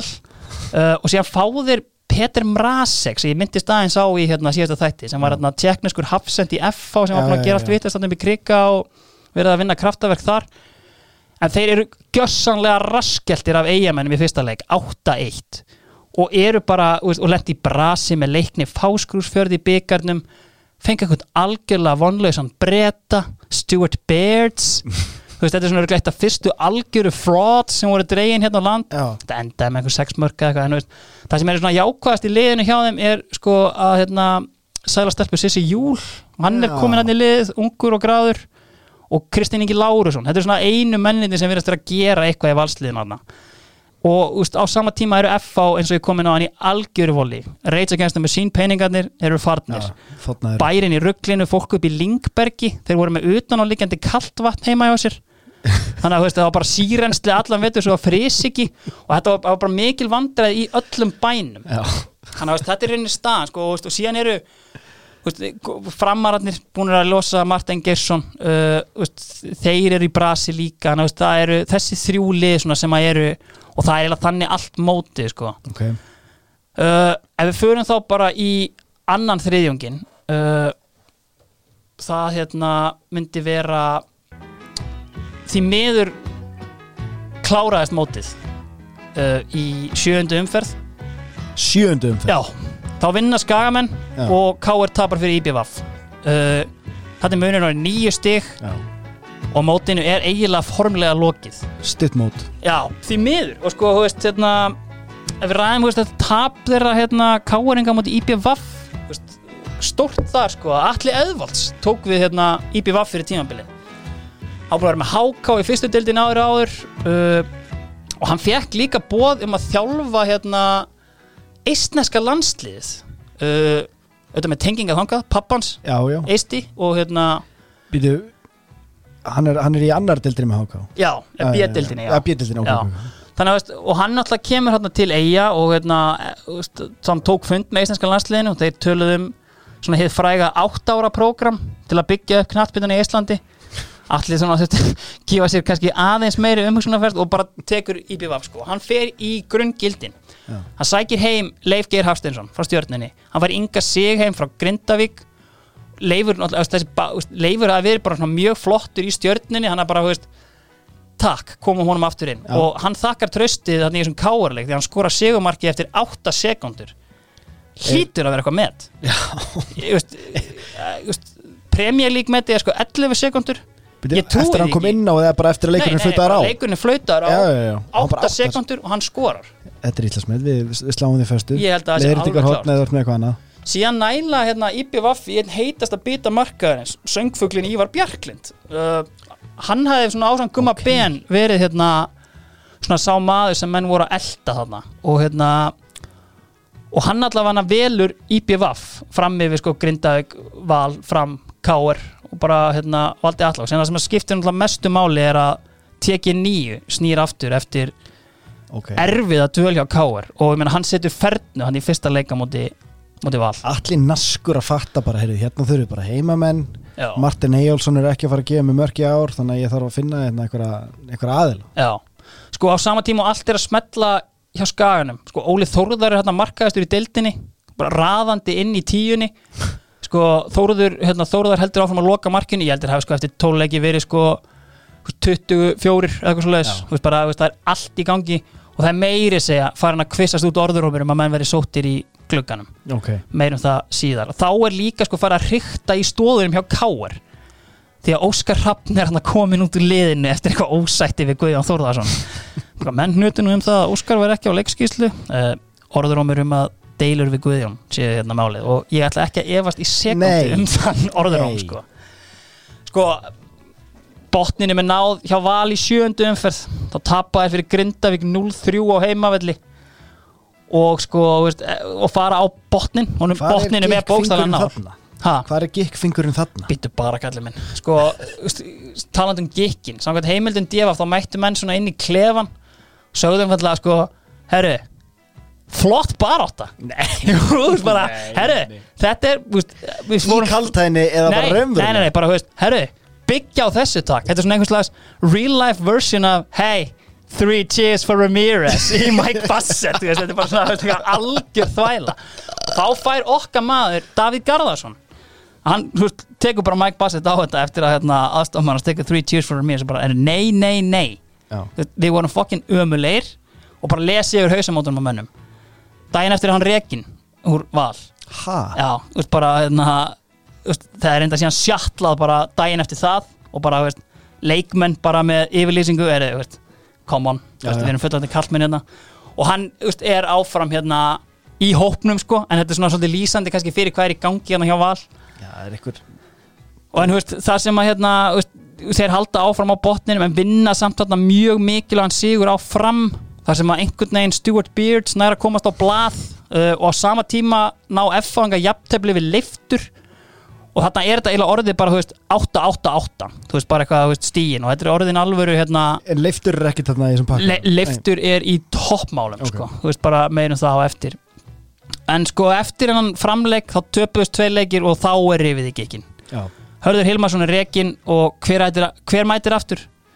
Skíðamæðurinn knái? Nei. Nei, rétt já, það er ekki hann. En Kristinn Björnsson mætir aftur Þá fáum við enn eina yfirlýsinguna. Hún er í rauninni bara liðið. Komið í sjálfheldu í leiksýnum og leikaðferðum og staðaliðsins í sú sem hún er í dag. Notu orðið sjálfheld Já, þeir eru komnir í Við sjálfheldu verðum að fara að fá svona yfirlýsingar aftur. Já. Ég vil ekki eitthvað leynimakk þar sem að það er eitthvað kjaftasögur í gangi í samfélaginu og það kemur enn einn fróðan bara á það, einhverju PR skrifstofu Nei, sko. bara, herði þakkað kella, góð tilraun en við erum í sjálfheldur Kristinn og sko á að viðtala við Jón Gretar eftir mótið, eh, Jón Gretar Jónsson Hafsend sjá var sem að hérna í rauninni sagði bara sko veist, að Kristinn hefði mætt hana strákar, nú er búið að tala nóg. Nú náum við í skóplunar og förum í skurðgröft. Og það var í rauninni bara það sem að gerðist þarna sko. Og sko eftir 12 umferðir eins og við kemur inn á við erum með val F á fram 8 stig. En sko fram á eftir að leika við IBVF uh, Grindavík og Breiðablík sem var spáð botninum, þau eru bara í flottum málum. Á svona IBVF liftur og Keflavík. Keflavík hafði reynda sett einn af sínum bestu mönnum í fimmleikja bann sjálfur fyrir að hafa hérna það var eitthvað, þú veist, eitthvað incident upp á lifstuð Keflavík voru sérst í Intertoto keppninni Já, og Óli Þór Magnússon, okkar maður strækarinn. Já, hann var í einhverju hérna, brasi þarna sem að bara Keflavík sagði bara yngvað ekki lengra bara hérna. En samt bara að fimm leikir og svo ertu bara góður. Já, líka bara að því að er sérstaklega því sko, Keflavík voru sko með markatöluna bara fjórir, fjórir. En þú veist, samt með, veist, 10-12 stíg sko, en veist, þeim vantaði alveg mörk. En þetta var hérna, Þetta er bronsveluna, bronskó hafinn já, bronskóðs hafa frá hárinu áður. Og Keflavík er í rauninni samt þráttur þetta eiga mjög fínt sísun með skrimslið Ólaf Gottskálsson í markinu. Já, og með að við líka hafa algjör flótti frá liðinu, sko Gunnar Oddsson fór uh, Gestur Gilvason fór og það var allt í volliðana og menn tengdu það svolítið við það að Keflavík þeir fóru í ákveðna fjáröflun á undirbúinustíðanbílinu ok. Þeir fóru að leiði út vídeospólur. Og hvað gerist þegar þú leiðir út vídeospólur og bara sem fjáröflun.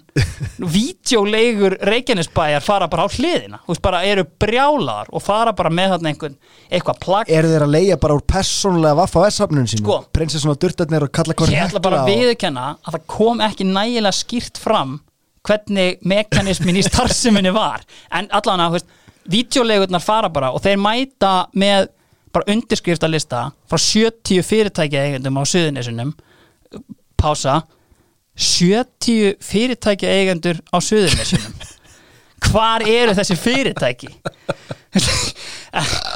Allan að þeir töldi sér vera með öll vopnin á hendu og, og Keflavík, þeir eru í hérna Grindavík voru farin að stela Ragga Markir, skilur við, Grindavík Já, já, já. tók einhvern annan og veist, þetta var alveg, það var upprýsa í Grindavík og hérna, þannig að þú veist, hérna og menn að tala um svona, hæ, menna, bestu leikmynd að Keflavík, það er bara saman í körfinni þeir komið yfir í Grindavík það var alveg, það var alveg sko góður hérna góður fílingur í, í grindvíkingum og meðan keflingingar en úst, eru samt að standa sig bara virkilega vel þarna, úst, þannig meða við allt og Með enga Jói- já, Jói B. kemur hann inn 17 ára, neklir í tvö mörk hann í einhverju leik okay.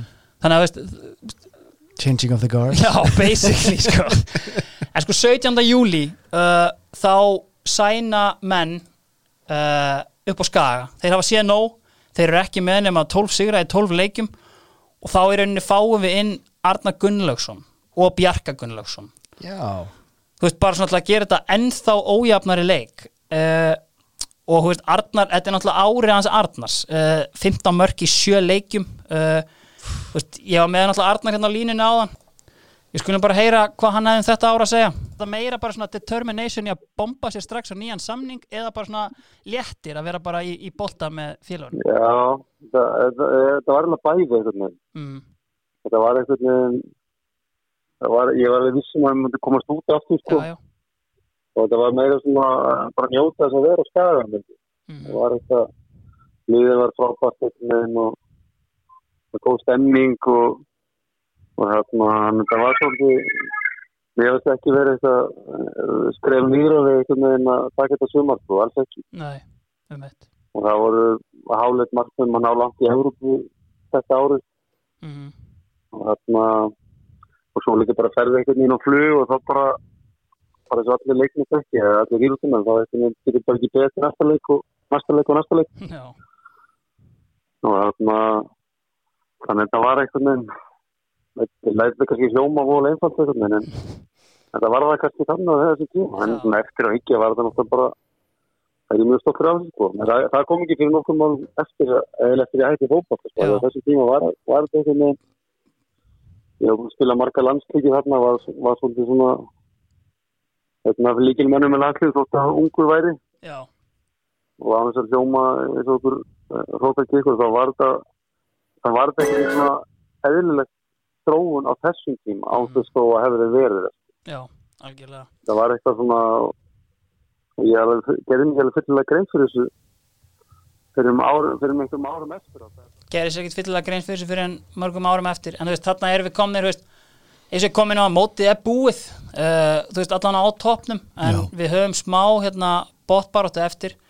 Og áður en við förum í klæmaks ári þá hérna, þá heyrði ég aðeins í hérna, að þú heyrðir aðeins í Session Kraftbar. Já, uh, mér langar nefnilega aðeins hérna, aðeins að opna þessa umræðu. Ok, það sem við erum búin að vera að gera inn í sensta þáttum er að við erum búin að vera að urða yfir gumma hreiðars. Því miður því við ringdum bara í vittlusan mann til þess að hérna, fá aðeins smá upplýsingar um skemmtanalífið. Já, og í smá researchi fyrir þennan þátt þá rækja augun í það að Astro já, opnaði þetta ár.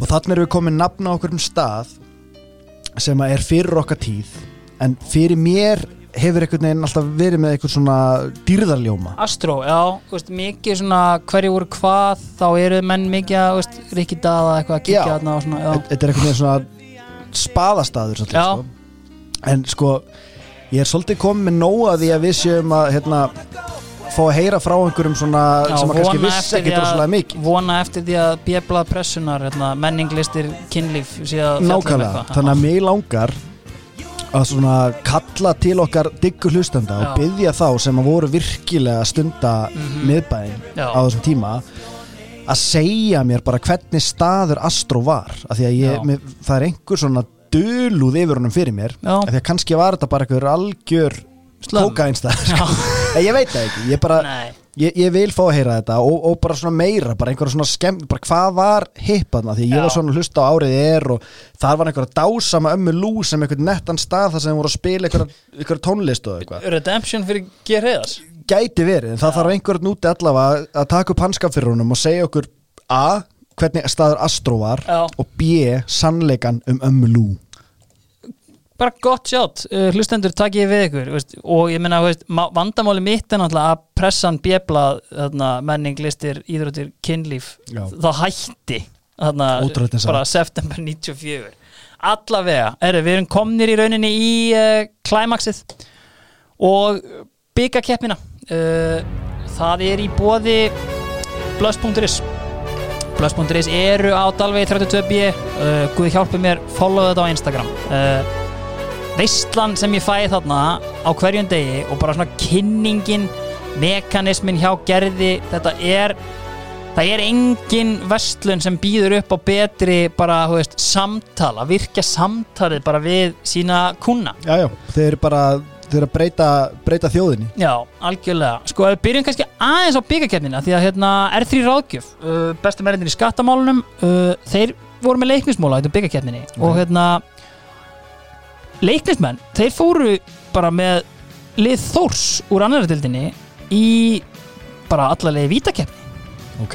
Þeir fóru, það var þetta í 16 löguslutum, leiknir komnir þanga Leiknir er eitthvað lélegast að byggja liðið landsins. En allavega þarna eru þeir komnir í vítaspyrnukefni gegn Þór. Og ekki nómið það að þú veist, ég held að sko, þú veist, kláruðu fyrstu fimm Mm. og klúðruðu næstu þrýr Já, en rýtingur í baki á leiknismönnum þegar Heiðmar Felixson setur sigur vítið. Einhver bakrindari. Mannstættir Heiðmar eða? Þetta er einhver handbólta Úipa til að auka á gleði þína á handbólta þá fjækstu hérna alvöru rýting sko, og málið að þetta var síðasti leikunars Heiðmars á þessu tímabili af því að hann var auðvitað að fara að keppa með U18 liði handbóltans á móti í Svíþjóð. Já, já, hann valdi rétt maður. Þetta er sko ultimate íþróttir fólk mokkin maðurinn fyrir mér. Já, og sko Úpertal Bíta Sóa á Spáni. Þann var það sko hérna, alltaf sko hérna, þeir voru alltaf að afsaka sko að því að þú veist, eitthvað, þarna var svona lítið skilningur á handbólta og alltaf svona afsaka Heimar Felixson skoraði ekkert mark en var gríðarlega sterkur í vörninni. Oh. það var alltaf þetta sko og Bíta Sóa unnu alltaf. Þannig að þetta var hérna toppgæði Heimar Felixson gerður úr stáli sko en ef við fyrir bara aðeins í svona veist, loka umferðnar uh, sko baráttunum Evrópusætið, það, hún lifiði og hérna uh, að því að K.R. var líka komið í byggarúslutin meðan þá eftir, þannig að veist þetta voru þá fjögur sæti efstu, þannig að veist, ef. K.R. vinnur byggarinn þá automatist fyrir eitt sæti niður eins og við þekkjum En býtu, þarna er, þetta er eitthvað skrítið formata því að við vorum, var búið að reka okkur úr meistardildinni já, meira það, alltaf bara höldum því áfram hérna á eftir, sko, en þú veist, þá eru við Þetta eru þrjú í deildinni sem sagt? Já, þetta eru þrjú og færist Já, og, og byggarsæti Já, og já. það bara færist í fjórasæti Ok. og þarna erum við með sko liðin sem er að keppa með þetta. Leiftur, keiftur eru hrikalega flottir og stinnir í þriðasætinu Óskar Ingimundar sko Það verður maðurinn það bara, þú veist bara tók handbókin hans Afran Grant hérna og var bara með taktískar síningar hérna hvað eftir annað. Gunnar Oddsson stjórnandi spilin og hinn naglharði Páll Guðmundsson í tíunni bara, geggjuðu formi raðandinn, gerandi góða hluti í draumalistil DFF og þarna er í rauninni sko þeir og hinn liðin Keflavík videolegurnar alveg brjálaða sko, já, og eigamenn þú veist, þrjú lið af landsbyðinni þarna eru og náttúrulega skæin upp á topp and personal. Þannig að þú veist, þetta er og sko víðir sig talað um sko bara þetta er ára landsbyðarnar, höfum það alveg á hreinu. Já, já. Og, þarna er baráttan og hérna IBVF sko veist, þeir fóru á eitthvað gjörsamt rönn þegar sko Atli Eðvaldsson sagði þeim sko fyrir einhvern leik bara strákar næstu leikir við þurfum 9 af 15 stigum þá var menn all in í dalnum. Ég lofi ykkur því. Oh. en hann gaf þeim það Pældi hvað hann veit hvað hann er að gera þegar hann er að koma. Já, þetta er svo eða, geðvett og ég veist, auðvitað söngfuglin sko, Leifur Geir, já takk bara 8 sekundur mark. Og síðan, og þeir unnu einhverja 5-6 leiki í röð. Og eins og við hefum rætt um þessa tíulega deild þú þarft bara smá rönn og þá ertu sko, ef þú ert ekki að keppa við einhver ofurmenni, þá ertu líklega að fara að vinna deildina. En þannig eru eigamenn sko bara komnir upp í annað sætið og búin að negla káar fyrir aftan sig. Það sem að gerist hérna í botninum uh, 14. umferðin þá lappar Óli Jó út. Ég sagði á hann, þeir eru unnið fyrstu tvo leikina uh, þeir unnu ekki í næstu 11 leikjum. Ok. Hvort það var tvö jafntefli eða eitthvað og þú veist, það, bara, þú veist, það var ekkert að frétta. Þeir voru ekki að skíttapa mikið að leikjum við töpuð hann 6-3 út í eigum en annars var þetta bara svona þú veist, þeir bara mistu hann að mraseggin fengu hann reyndar aftur í glugganum. Ok. hann gat ekkert í val. En var, var Óli Jó ákveð bara að taka, taka derhúnu sína bara og fara þarna sjálf og húuna sem hann er með undir. Já, hann, veist, það var þannig Engin yfirlýsing. nei, bara, veist, nei, veist, bara, bara þetta gekk ekki. Og Óli Jó bara stóð upp og gekk. Þetta er svo geggjaði gæði sko. hver mætir? Ingi Björn Albertsson. Nei, að reyna að stopna stjórnmálaflokkin sinn ekki alveg að ganga er ekki eitthvað hérna sem við getum tekið. Byrju þjálfari tveggja liða í einu faktíst já, hættur náttúrulega með keflaðik Já, ég er bara ennþá að launa með eitthvað. Já, til ykkur seði fyrir kongin hann sko. en hann var sko að taka við FH í þriðja skipti á ferlinu, hann veist, þetta er svona hérna þekkti vel til í klúbnum og, og hann átti svona að koma með vitaminsbrautu hérna inn á þetta. Sko er hérna leikur hérna IBVF Keflavík þá svona, þú veist hvort að það var 50 að 70 sigurinn í rauð og þeir komnir upp í annarsæti þá hendir hérna allir inn sko allir var búin að þá bara youth. Herri, ég er þetta með Herman Hreyðarsson hann er búin að vera á vinstri kantinum. Það er ekki að make a sense, ég ætla að setja hann í vörnina og hemmi bara eitt besti vartam að dilda hann þetta tímabil. Og þá hendir hann líka inn á öðrum ungum Bjarnólfi Lárusinni hann sagði við hann bara Bjarnólfur ég þarf mann sem getur skotið. Og Bjarnólu kemur inn, hendir einhvern sturlaðan bilming og setur bara vinnirinn á móti keflaðeg DFF punktar hérna niður. Eftir leikin þá kom Atli Eðvaldsson að Bjarnólfi kistan og sagði ég elska þig helvítis fýblið algjörlega geðveik lína. Hann hefur verið með gaurana í rassvasanum.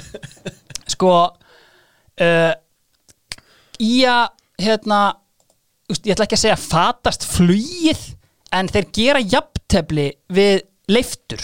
Uh, eru 2-0 yfir og ég ætla að segja fatast flugið því þarna sko þú veist Á, það er alltaf glóriðs að tala því að þeir enda tímabili sko 16-1-1 Já.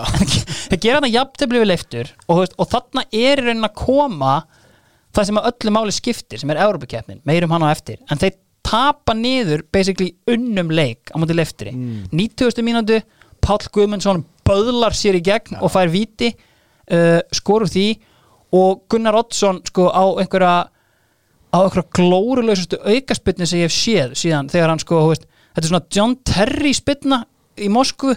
Hann basically klippir boltan dettur og hann bara syngur í netinu bara gaurinn gæt ekki stíði feilspor þarna, en ok, þarna gerist það. Leiknum á eftir, þá geta það klára titilinn, Gauji Þórðar mætir upp á skaga. Og reglan er bara svo, Gauji Þórðar tapar ekki upp á skaga. Þetta er svona að tala um leik ársins. Uh, hendi honu sennilega inn á hérna, inn á hérna, miðlan okkar, veist, þetta var hérna og veist, enn einn rýtingurinn Bíber sits með þrennu Er þetta frá því að við hófum yfirferð 92 fyrsti sigurleiku káur á skaganum? Nei, þeir unnu líka árið áður Já, ok, eitt, ok, tvö ok. upp á skaga sko. þeir bara, veist, en þeir töpu einhvern veginn alltaf í frostaskjóli en þarna mæta Gauji bara mætir upp á skaga og hann vinnur upp á skaga uh, sko uh, en það sem að gerist reyndar sko er að í næstu umferð þá hérna uh, þá vinnaðir grindaðið 4-0 Arna Gunnlaus með þrennu. Uh, og síðan mæta valsmenn með ekki skíðamannin í brunni Káar uh, og vinna 2-1 þannig að þeir eru sófamestarar Já, uh, fínt að halda kannski utan að það. Þú veist, er, hinga til hafði þeir ekki verið sófamestarar held ég alveg pottið sko. og þarna skilja valsmenn sig algjörlega frá pakkanum að því að fram og FH gátt ekki keift sér sigra sko. og hann eru þeir búin að taka tvo leiki röð hvort það var þar á meðal líka bara 0-3 sigur á móti FH hann að veist gott ef að Stuart Beards var ekki líka bara farin að já. negla inn nokkrum sko, en, veist, ekki, veist, ekki inn í endi hann endi með einhver 6 mörg 6-2, 2 vítum sko Já, já. en sko móli, talandi um víti Valur skoraði úr tveimur vítum á móti K.R. Davíð Garðast tók fyrra veit ekki af hverju hann tók ekki sittna en þá kom Stuart Bates örgulega á markabónus og heimtaði að fá að taka þetta sittna víti var 19. vítið í röð sem Valur skoraði úr í Íslandsmótinu a record Er það? Já. Bættu þarna með Þórs frá árinu 87 þannig að voru ekki búin að klikka víti í sko 10 ár Byðum bara bókarinn okkur um að færa þetta til bókar Já, og þetta tímabil er líka sett með í hérna, rauðum spjöldum þannig að hérna en veist, þetta fer þetta og, og, og valur endar í einhverjum sko, veist, rúmlega 20 punktum þannig að þú veist. Það er engin bott bara átt að heldur. Uh, veist, fram og FH bara unni ekkert og bara enda með einhver veist, bæðilið með 11 stig eitthvað svo leiðis Liðin sem að Nei, Óli já, Já. Fram áttalega, já, Já. tóku innan fræga gig. Já, þannig að hérna, veist, þannig henni endar tímabilið uh, Skæin hérna Skæin vinnur þetta. Uh, auðveldlega unnum með 12-13 stegum sko og hérna uh, Káar vinnur hérna þeir mæta IPVAF sem eru orðin frekar sattir uh, veist, bara nánast búnir að, búin. já, og búnir að tryggja sig í Európa-keppnina og það sem að gerist er síðan að hérna, Leiftur tekur þriðasætið og Kepplvíkingar, Ólsegir uh, rífa sig upp í fjórðasætið og eru því aftur komnir í Intertoto-keppnina. Þannig að, þú veist, einmitt, to sum up uh, ég var að gera það. Óli Þórðar er hvað sem besti leikmaðurinn og það er náttúrulega fyrir fyrri umferðina fyrst og fremst. Hann skoraði tíu mörg í fyrstu tóluleikjunum Já, skoraði sér undar eiginlega ekkert meira. Uh, hann kennir eiginlega Arnari Gunnlaugs um hann Já, bara mætti þarna og recognized them og eitthvað. Sko tekið nýju, hann var ólsegur þetta tímabil, hann hérna hann er markaðastur fyrir lokaðanferðina með 14 mörg ja, og hérna Arnar Gunnlaugs er með 12 en Arnar Gunnlaugs þetta tímabil fór ekki inn á völlin á að skora þrennu. Hann, hann tekur markakongstitilin í sjö leikjum. En tekið nýju er samt efnilegastur þannig að þú veist, þarna fyrir þetta munni. hérna, þú sagðir IPVF höfður Evrópumeistarar. Nei, hérna, Nei. farið í Evrópu minna. ég. Var það byggarinn þá eða? nei, það, þeir náðu þriðasætinu Já, já, já, ok, og, og hérna, fyrirgeður Liftur og Keflavík. Er ég að bylla uh, nei, Leiftur fer, nei, sorry. Leiftur fer ekki í Europkeppnina Keflvíkingar stela því hérna undir lokin. Þá hérna, sko í loka umferðinni þá gerir hérna alveg rétt, þá gerir Keflavík þrjú, þrjú jafntefli við KR og Leiftur fá löngu fallna F-fáinga í heimsókn. Komast yfir, en nei Hlinur Svan Eiríksson jafnar leikin og rýtingur á Európa-dröymana frá Davíð Örvari Ólafsinni þannig að hérna þeir tap og með sigri þá hefur þeir farið í, í Inter Toto frægu. Þannig að hérna það eru kepplíkingar sem taka hérna Európu hann að þriðja ári í röð bara gríðanlega stabilisera eftir að hafa komið upp hann sko. Uh, þá er kannski svona yfirferða deildinni lokið. Uh, byggarinn sko, ég var búinn að semja hérna ræðu. Það sem ég ætla, ég verð bara að fá Final Countdown hérna aftur undir. Ég var búinn að semja hérna ræðu sko, það sem ég var að fara yfir byggar árið og hún var skýslan var svört. Ok. að, þú veist, ég ætlaði bara að taka upp þráðina sem frá var horfið í hérna síðasta ári. En að því að sko sko þeir fá hann eitthvað skítalegi í 16 ljóstum 8 ljóstum vinnaði Grindavík. Veist, jú, jú, solid. En veist, skæin tapar fyrir fram. Hann veist, skæin er farin úr þessu. Ok, hann þetta er þeirra að tapa í raun úr því. Káringar já, þeir mæta Keflavík í undanúrslitum og ég þarf að henda því nöðsynlega inn á meðluna líka því að ég get ímynda mér að Mummi Gutt og félagar í KF séu ennþá trilltir. Það sem gerist er að 0-0 75. mínúta kemur fyrirgjöfinn í sem að, að sjálfsögðu ólega gott í etur. Nema sko, Daði Dervits hann er svona, ég er að skinni hann sem svona, þú veist way back then, bara svona Pablo Punjet Ok, það er a nasty side Já, já, já. hann stekkur upp með honum á aldrei séðans í boltan blakar í, eins og Óli kallar istun á mér. Og blakar í pungin á honum Óli auðvitað bara svona lendir og svona, þú veist, tekur svona aðeins í hann Já, ah, já, já. Daði Suðunis sem aður Já, bara svona, þú veist, og svona, þú veist, ég myndi segja svona að hann svona, að þið heyrið þetta hlustendur, brjóstkassin, Já, daði eins og stungin grís, bara flegið sér niður, heldur um barkakýlið, tveggjandi þryggja mjönda aðhlynning og það verður sko, ég held að þetta sé bara svona einn ein svona mesti múgæsingu sem við séð í íslenska boltanum hérna, því að sko í kjölfæri kemur hérna Þormóður Egilson, svika hrappur hann frá annar umferð og hann er sko skallaður í andlitið af Helga, bara alvöru, bara legit skallaður. Ekkert gert í því, en Óli Gott er reygin út af og viti og bara það sem Mihail og Bíbasits gerði þetta sumar það var að skora úr vítum. Hann klúðrar bara ekki víti. Og, hérna, þannig, hérna, og hann sendir það í byggjurleikin hafandi sagt þetta síðan sé ég náttúrulega úslita leikur við fram. Hörmulegt lið fram og ég er svona, wow, frábært. Hann er búin að negla eldri hann sem kynni ég með leikin uh, þeir komast yfir hinn umdeldi Hilma Björnsson yfir maður íþrótdeildin á Rúf kemur þeim yfir í fyrirháleik en svo er náttúrulega bara veist, komið að skuldadögum og Daði Dervits er rekin út af. Ok. Í, veist, hérna, svona, fyrir lok hálfleiksins. Og hérna, fram jafna Rikki Daða Rikki Daða er búin að vera þetta í gegnum öll þessi sorgar ár Helgi Sig náttúrulega er farin Já, já, já, uh, ef við komum inn á það.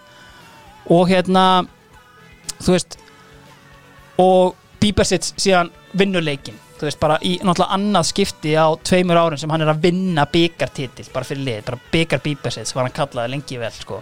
Ok, fyrir Guðjón bara sem að nelda hann boltum á sín tíma. Þannig að hérna, veist, ég get alveg gefið þeim hérna, þú veist þennan titil sem flottan Já, titil já. þú veist, ert einum færri heilan sittni háluleik og veist, þetta er á leiðin í framlengingu. Bíbersits langaði ekki í framlengingu með, veist, hann fór úr á ofan og var, eins og við við sem erum ekki í toppstandi, hann var auðvitað í hlýraból innandir hérna, Haldöll á sínum stað. Já, og veist, K er margfalt betri veist, bara sangjarn og flottur byggarsegur í höfn. Sko, það sem er aðtekast eftir byggarn þetta ár er að, hérna, og víður sig gerir að yrkisefni mikið, er að þarna eru komin inn undir 23 ára liðin. Og þau taka þátt í byggarnum uh, og þetta er auðvitað algjörst rugg af því að þarna eru við ekki eins og í dag með meðalaldur upp á 30,6 ár í byrjunarliðinu. Já. þarna er til dæmis skæin bara veist, undir 23 ára leik hjá skaganum. Veist, það gætu bara verið 6-7 leikmenn úr byrjunarliðinu. Einmitt. ég meina að þú veist sko Arnar Gunnlaugs er örgulega undir 23 ára ég meina hann er 72 módel. En þetta, þetta fyrirbæri undir 23 ára 73 liðum- módel segja, já, fyrir ekki? Já, ég, ég er svona að því að þetta var við náum einhvern veginn í skottið á þessu sem leikmenn eða þú veist, ég man eftir að hafa spilað einhverja svona leiki Já, þegar maður er kollnungur sko.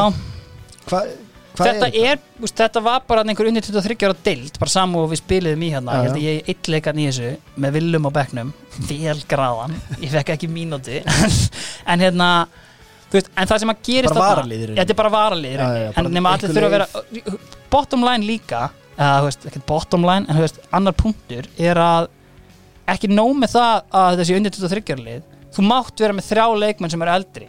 Fram vinnur skagan. Mm. skagin er ennþá inn í keppninni með undir 23 ára liðið sitt. Þeir mæta Þór Gunnlaugur Jónsson og félagar Já. sem að hérna, hefur ekki ennþá fengið alvöru sjans hérna hjá skagaliðinu þráttur að vera á sama aldri og allir þessi mestarar því miður, en hans tími mun koma. Já, þeir mæta Þór uh, hvort þeir mæta með þess að undir 23 ára hjá Þór þeir tapa því.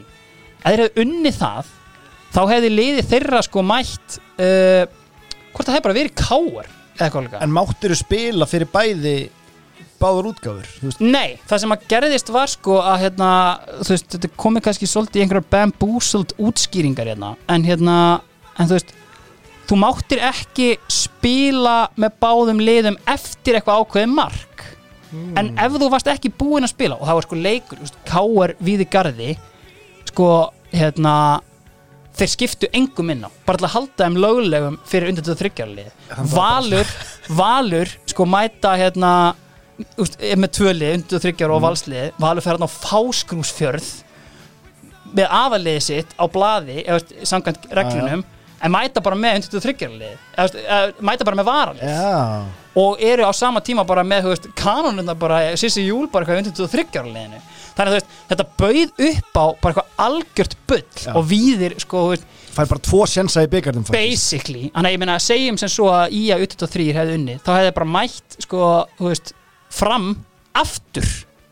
Og bara 11 leikmenn út sem ekki með ekki þá var, ef þú varst á bekknum þá máttur þú spila já, já, þannig að sko, þeir, þeir slóðu sér þannig upp sko, að veist, þeir hefði geta verið með undir 23 ára liðið sitt bara, veist, það hefði bara verið basically byrjunarlega hjá skaganum, að þá komu inn bara Óli Adolf, Siggi Jóns og Óli Þórar þannig að veist þetta, og þetta var ekki tekið, þetta verið meira rætt hérna í næstu þáttum, en það var sko náði rugglið hámarki 97, meira um það síðar. Uh, allan að þeir taka byggartitilin uh, þá er okkur svo sem ekkert uh, setna vætna en að henda okkur í Európuleikina, það var nóg um að vera þar. Hér heyrum við hljóma meistaradildalagið sem er að sjálfsögð ekki viðegandi þar sem að við erum ekki í meistaradildinni Lennart og B. Scram þeir eru ekki ennbúnir að hérna, ná samningum um að koma okkur hérna inn en það er samt sko fullt af fréttum um sko, veist, skæin er sko að rífa okkur upp listan, veist, bara með þessum endalsu sigurum hérna á skítaliðum og, og allt svoleiðis. Uh, Keflingingar eru fyrst íslenska lið að taka þátt í Intertoto keppninni og þeir fá fjóra leiki veist, í einhverjum riðli og hérna fór eitthvað er þetta frekar óspennt við. Mets eru þarna, eina nafni sem ég fann hérna er Patrick Mboma. Hann hefur komið hérna og, og gert góða hluti, ég heldur að ná einhverju einu jafntefli en þetta var mikið að ferðalögum og, og alltaf vera, þetta var líka bara yfir hásumar. Hann var alltaf að tróða þessum leikjum hér og þar. Og keppingingar voru alltaf með leiki til góða. Já. þannig að hérna en þú veist, fóru ekkert upp úr þessu og hérna, enda vissi enginn hvað Inter Toto þýtti einhvern veginn. Þannig að hérna, það var rauninni það. Sko K.R. Uh, byggamestarinn frá árun áður fara í Európa-keppni byggarháa og mæta þarna einhverju Luxemburg skuliði, vinna það og þá mæta þeir Everton Já, uh, alvöru leikir þar og við skulum kannski aðeins fá að heyra bara hérna Guðjón Þórðarsson peppamenn fyrir Everton leikin Það er ekki að byggja meira.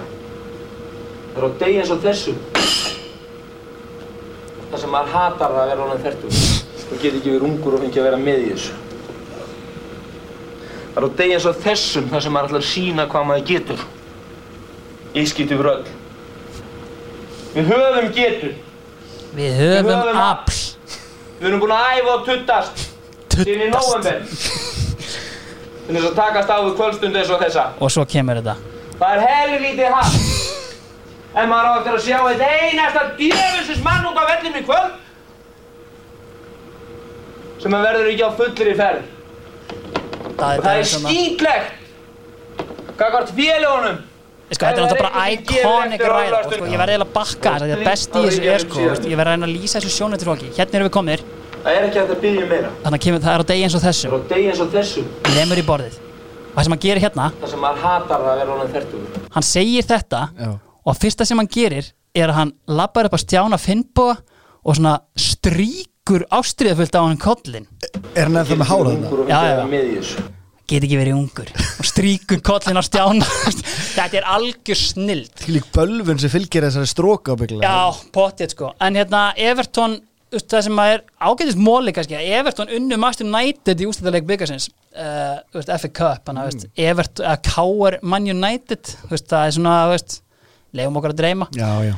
En sko þessi ræða er rugglu, þetta Já. er svona Neil Warnock íslenski Já. Neil Warnock, svona einhver það blótsýrði og það er verið að tala við menn þetta er svona leikarind það strækaði mig líka smá svona, eitthvað Guðjón er ekki nema færtugur þarna. fyrir mér er Guðjón einhvern veginn alltaf fimmtugur þú veist, bara, þú veist, sama hvenar ég heyri á honum, sko. En sko ef hann er færtugur þarna og þykist ætla að hafa verið inn á vellinum á móti Everton og var að þjálfa tíu árum fyrr hann er ekki getað mikið í fótballstæða Nei, hann er þetta leikjæsti hérna, var uh, lengi vel sko, hvort hann er deilir metin en það leikjæsti leikmaður skagan sko. en Ok. veist, ég menna já, proppi bakurur náttúrulega, hérna, eins og menn fór yfir.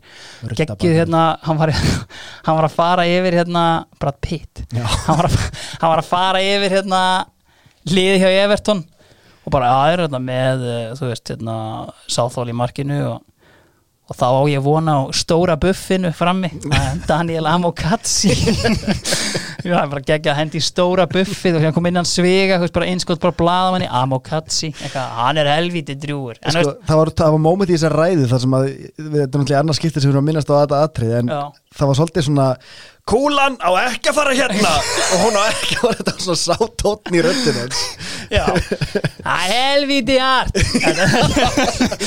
þetta er algjör snild en sko, K.R. stendur sér bara fínt, þeir tapa hérna 3-2 á lögutarsvöllinum, Bíba sérst með tvö mörg og voru vítum, en hérna og veist, tapa 3-2 fara síðan sko til Liverpool og hérna hvort þeir eru 1-0 lifir í hálfleik. Ok, valsarinn einsi dan bara að leifa mennum að dreyma hann á tímabili en þú veist, ætli Gauði Þórðar hafi farið og kíkt á eitt leik eins og hann gerði með fæinur sá að spila Swindon Town. Og ég sá það bara við vorum að fara að spila okkar leik. Það er eflust verið eitthvað svoleiðis. Uh, en hérna, en síðan endar á að tapa hvort þið tapa 3-1 þarna uh, útilegnum uh, þannig fórum sjóferð þá en þú veist, skemmtilegt og Gauji saði bara og, og hvort að Insi dansaði líka bara þarna, þú veist, basically, veist, þetta er búið eftir fyrirleikin og sérð bara gæðamunin og veist, við erum ekki þarna. Veist, það er svolítið bara svona caseið en það sem er náttúrulega sko, þetta er náttúrulega árið það sem að skandallin kemur upp sko í hérna Európa-keppninni upp á skaga. Þarna er skaginn, þeir eru búin að fá Arnar og Bjarka lána, þeir eru með lang besta liðlandsins, þeir rústa þarna einhverju liði sem heitir Shelborn frá Skotlandi, Já. þú veist, 3-0 og 3-0 samtal 6-0 eða eitthvað svo leiðis og mæta síðan einhverju pöppa liði Wraith Rovers. Frá Írlandi Já, hvort eru skota líka sko, en það meikar engan sens svona, þeir pæli þetta eru tvö skósk lið en veist, allavega, veist, þeir mæta Wraith Rovers. Og veist, eftir þennan leik Wraith Rovers mæti Bayern München. þú veist, þetta hefði þýtt sko Já, bakarinn, hann hefði verið heima hjá sér. Hann hefði hendi snúða þarna með við tekjurnar sem á að koma inn af þessum Bayern München leik sko. Og, og þetta er í rauninni hérna, veist, þetta er agalegt veist, þeir tapa fyrirleiknum úti. Og hérna sko ég ætla bara að spila fyrir ykkur. Ég heyrði líka bara aðeins í Arnari Gunnlaugs hans teika á hann reyðleik Sérð þú eitthvað hvað skæin hefði geta betur í þessum leik eða bara var þetta one of those days einhvern veginn? Já, þetta var, þetta var við vorum með tölvöld betra liðin þeir en, en þetta var bara að vona á stóð steg sko, við klúrum þessi í útileiknum við gerðum okkur of stóra brekkur til að klifra í heimaleiknum Mm -hmm. við fengum alveg þauða fæði og ég ég man alveg eftir, ég, ég var þetta að finna, ég var að horfa á bara YouTube glefsur og held að BBC er með eitthvað hérna, þátt sem er hægt að sjá á YouTube sko, og var að sjá hann bara ekkert fyrir alls löngu sko. Og þarna og ég átti bara að gefa, gefa maður læg hann úti sko. það bara gekk allt upp, þetta var bara eitthvað rugg og þarna það var alls konar síningar að í gangi en ég náðu bara ekki að skora. Nei, og, og ég man að Bjarki knúra líka einhverju bettar mm. og mörki sem við fengum á að vera úti sko en það var, það var, það var svona ekta við komum að spila mútið ekta svona einhverju skótskulega þessu tíma, það voru grótharðir og, og stuðnismenn frekar skemmtilegi sko. Mhm, en við vorum samt einhvern veginn vonkáður um að ná að sér heima og og að við áttu að leikja með húða hári en bara náðum bara fóttum inn í segna marki og því fóð sem fór sko, mjög sveikandi það er einn af þessum leikið sem að bara getur ekki einhvern veginn, maður rýfur þetta upp reglulega þetta var svo einhvern Já. veginn, við vorum svo gott lífið einmitt. Þetta er einmitt sko úst, þetta er bara rifjað upp úst, ég meina þetta er úst, dænast í skagans. En þú veist, það sem stendur upp og bara er þessi leikur. Uh, og bara svona hvernig þetta er bara svona einhvern veginn tapaðist. Og sko, ef ég vitna aftur í hérna já, varstu með að teka Nei, bara það, það að fá Arnar og Bjarka heim í, þegar þú ert búinn að vinna deildina mittmót, það Já. er augljóst hvað þeir ætla að gera þetta sísón, þetta snýrist allt um þetta. Þess vegna verður þetta bara að vera þú veist, þetta er aldrei failed sísón að vinna hérna, þetta er ekki 16-1, misannað nei. nei, nei, en, en þetta eru vonbreiði, alveg rosa vonbreiði já, og ég veist, heilt yfir, veist, þetta er veist, í nútíma knaspinu ef við tökum bara 92 ég ætla ekki að draga hérna, bara ég ætla að hlýfi ykkur við 78 leiðin hjá val. Já. en þú veist, þetta er í nútíma knaspinu, þetta er besta leið sem við höfum séð. Já, 16, 1, 1 uh, Magnar við erum búin að vinna mótið í sjöndu umferð, þú veist come at me bro. Já, sko, það sem að gerist þarna er að hérna, ég hlustaði náttúrulega aftur á bakaran minni í skagarhæðlistinni og bara svona pikk upp einhverja punta.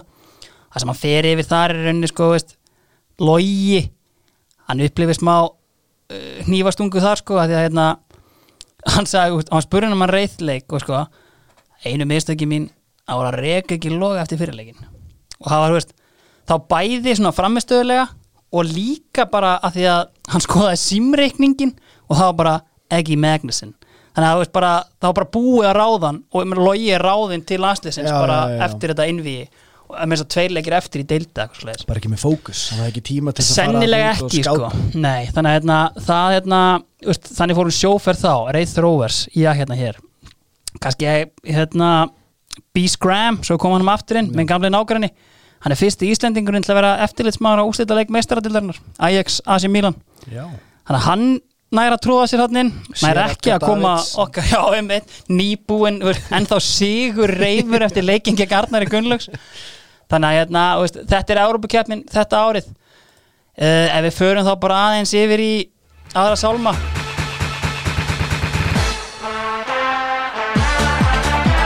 Það er íslenska landslið Við gátum ekki neitt. Herðu, hérna Við vorum hérna, ég fóru yfir hérna sko, við erum ennþá í þessari undankefni fyrir EM 96 uh, og þú veist, þarna eru við sko, við erum að gegja svona að mínu viti, við erum með svona gegja tríó frammi. Arnór Guðjónsson, Eyjólfur Sverrisson og Arnar Gunnlaugsson, þannig er Eyjólfur sko bara strækir í Besiktas. Og þú veist, Arnar Gunnlaugs þú veist, einn af okkar skemmtilegustu leikmönnum og náttúrulega, þú veist, Good Johnson er þarna ennþá að geita yfir sig í Svíþjóð. Já, þeir bara skora ekkert og við bara skorum ekki neitt. Og það sem er svona, þú veist, ég ætla ekki að fara eitthvað að hérna, veist, skýta yfir skrúðgöngun hans hérna, Áskers nei en það er alltaf að tala um hennar mann sem hann vildi spila. Veist, hann, hann, var sóknarleikur nummer 1, 2 og 3 við erum búin að spila þetta einhverja 5 leikir við erum búin að skora mark sko. Þannig að við erum í skýtnum Hann er orðin þægilegur þetta algjörlega og, og það er sko við skítöpum fyrir Tyrkjum. Skítöpum og þá eru menn aðeins farnir að hérna þú veist, pæla, veist, er Áskeriel losing the plot? Og það er aðeins farið að skjóta á KSI varandi, var ég búinn að taka þessa ræðið skjóta á KSI varðandi sko herðu, við fórum hérna í eitthvað major makeover uh, hendum út hérna veist, við vorum með byltinga kenda stefnubreitingu, hendum út öllum drengjanlæðistjálfurinnum og ásker er bara að þjálfa það líka. Já, ofan á það, þetta er versti árangur drengjanlæðistins í langan tíma, það er ekkert að gerast í aðlandsliðinu þannig að þú veist ég, ég vitna bara í Kristján Óla Sigursson þegar hann spurði Bjarnar Jó eftir leikin sem hann sett hann á bekkin út af taktískum breytingum og tapaði 5-0 hvernig fannst þér þessar taktísku breytingar sem þú laður upp með fyrir leikin skila sér? Þú veist, þannig að þetta er þetta er svolítið umræðan sko. Já. En síðan sko En eru spjótun að beinast að áskeri eða KSI? bæði, þú veist, Ásker er ekki að gera neitt en þú veist, Ásker nýtur bara gríðalega virðingar. Það er mjög augljóst á fréttaflutningi og þú veist, kannski vei, ég átta ekki á því, þú veist, eru engar kröfur? Þú veist, ég veit það ekki alveg. Þú veist, við erum, Við erum þetta eiga, við erum leikmenn að það algjörlega en, veist, en við höfum alltaf aldrei gert neitt eða kannski að það kringu 90 þú veist, Óli Þórðar hefur talað um það sko að hérna, í kringu 90 þá áttum við einhvern veist, alltaf gerum við jafntefli við rússa og eitthvað svona, veist, haldur áskjáls rússa baninn, sem samt bara jafnaði en, en þú veist, hérna þannig að veist, þetta er svolítið svona, veist hann fær alveg slaka, sko fjölvíðir er ekkert að hakka hann í sig Nei, og náttúrulega Óskar er ekki byrjað að skrifa þannig að það er kannski svona Það er ekki beittur að en þú veist, en síðan kemur náttúrulega á þessu ári þá hérna, við náum á einhvern glórulesan hátt í jafntefli við Svíja sem er náttúrulega bronsliði frá HM Já, þetta eru talin vera hérna, stærstu úslit bara ever á útivelli hjá Já, okkur. já, og svo vinnum við ungverja í næsta leik. Og þetta sko við vorum held ég eina lið sem var ekki neinum sjens þannig í þessum riðli. Þetta var svona léttu döðariðl einhvern veginn orðin. En þá kemur bara fréttin að defa Íslandi leikilstöð og ég er svona, byrju, ha? Við erum með fjögur stig. Hva, hvað var í gangi í þessum riðli? Naut við þetta, var ekki alveg að tengja.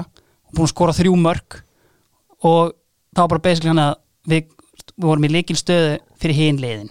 Óguð að við gátum sem sagt klúðra já, og þetta sko flennist og við, við erum í líkilstöðu það sem gerist er síðan hérna að uh, Lói Ólafs tekur svo við liðinu af áskerilega sinni. Hann ætlar að klára þessu undankefni og þannig næsta þætti fyrir við hvernig, uh, hvernig svona hérna fóra að þessu.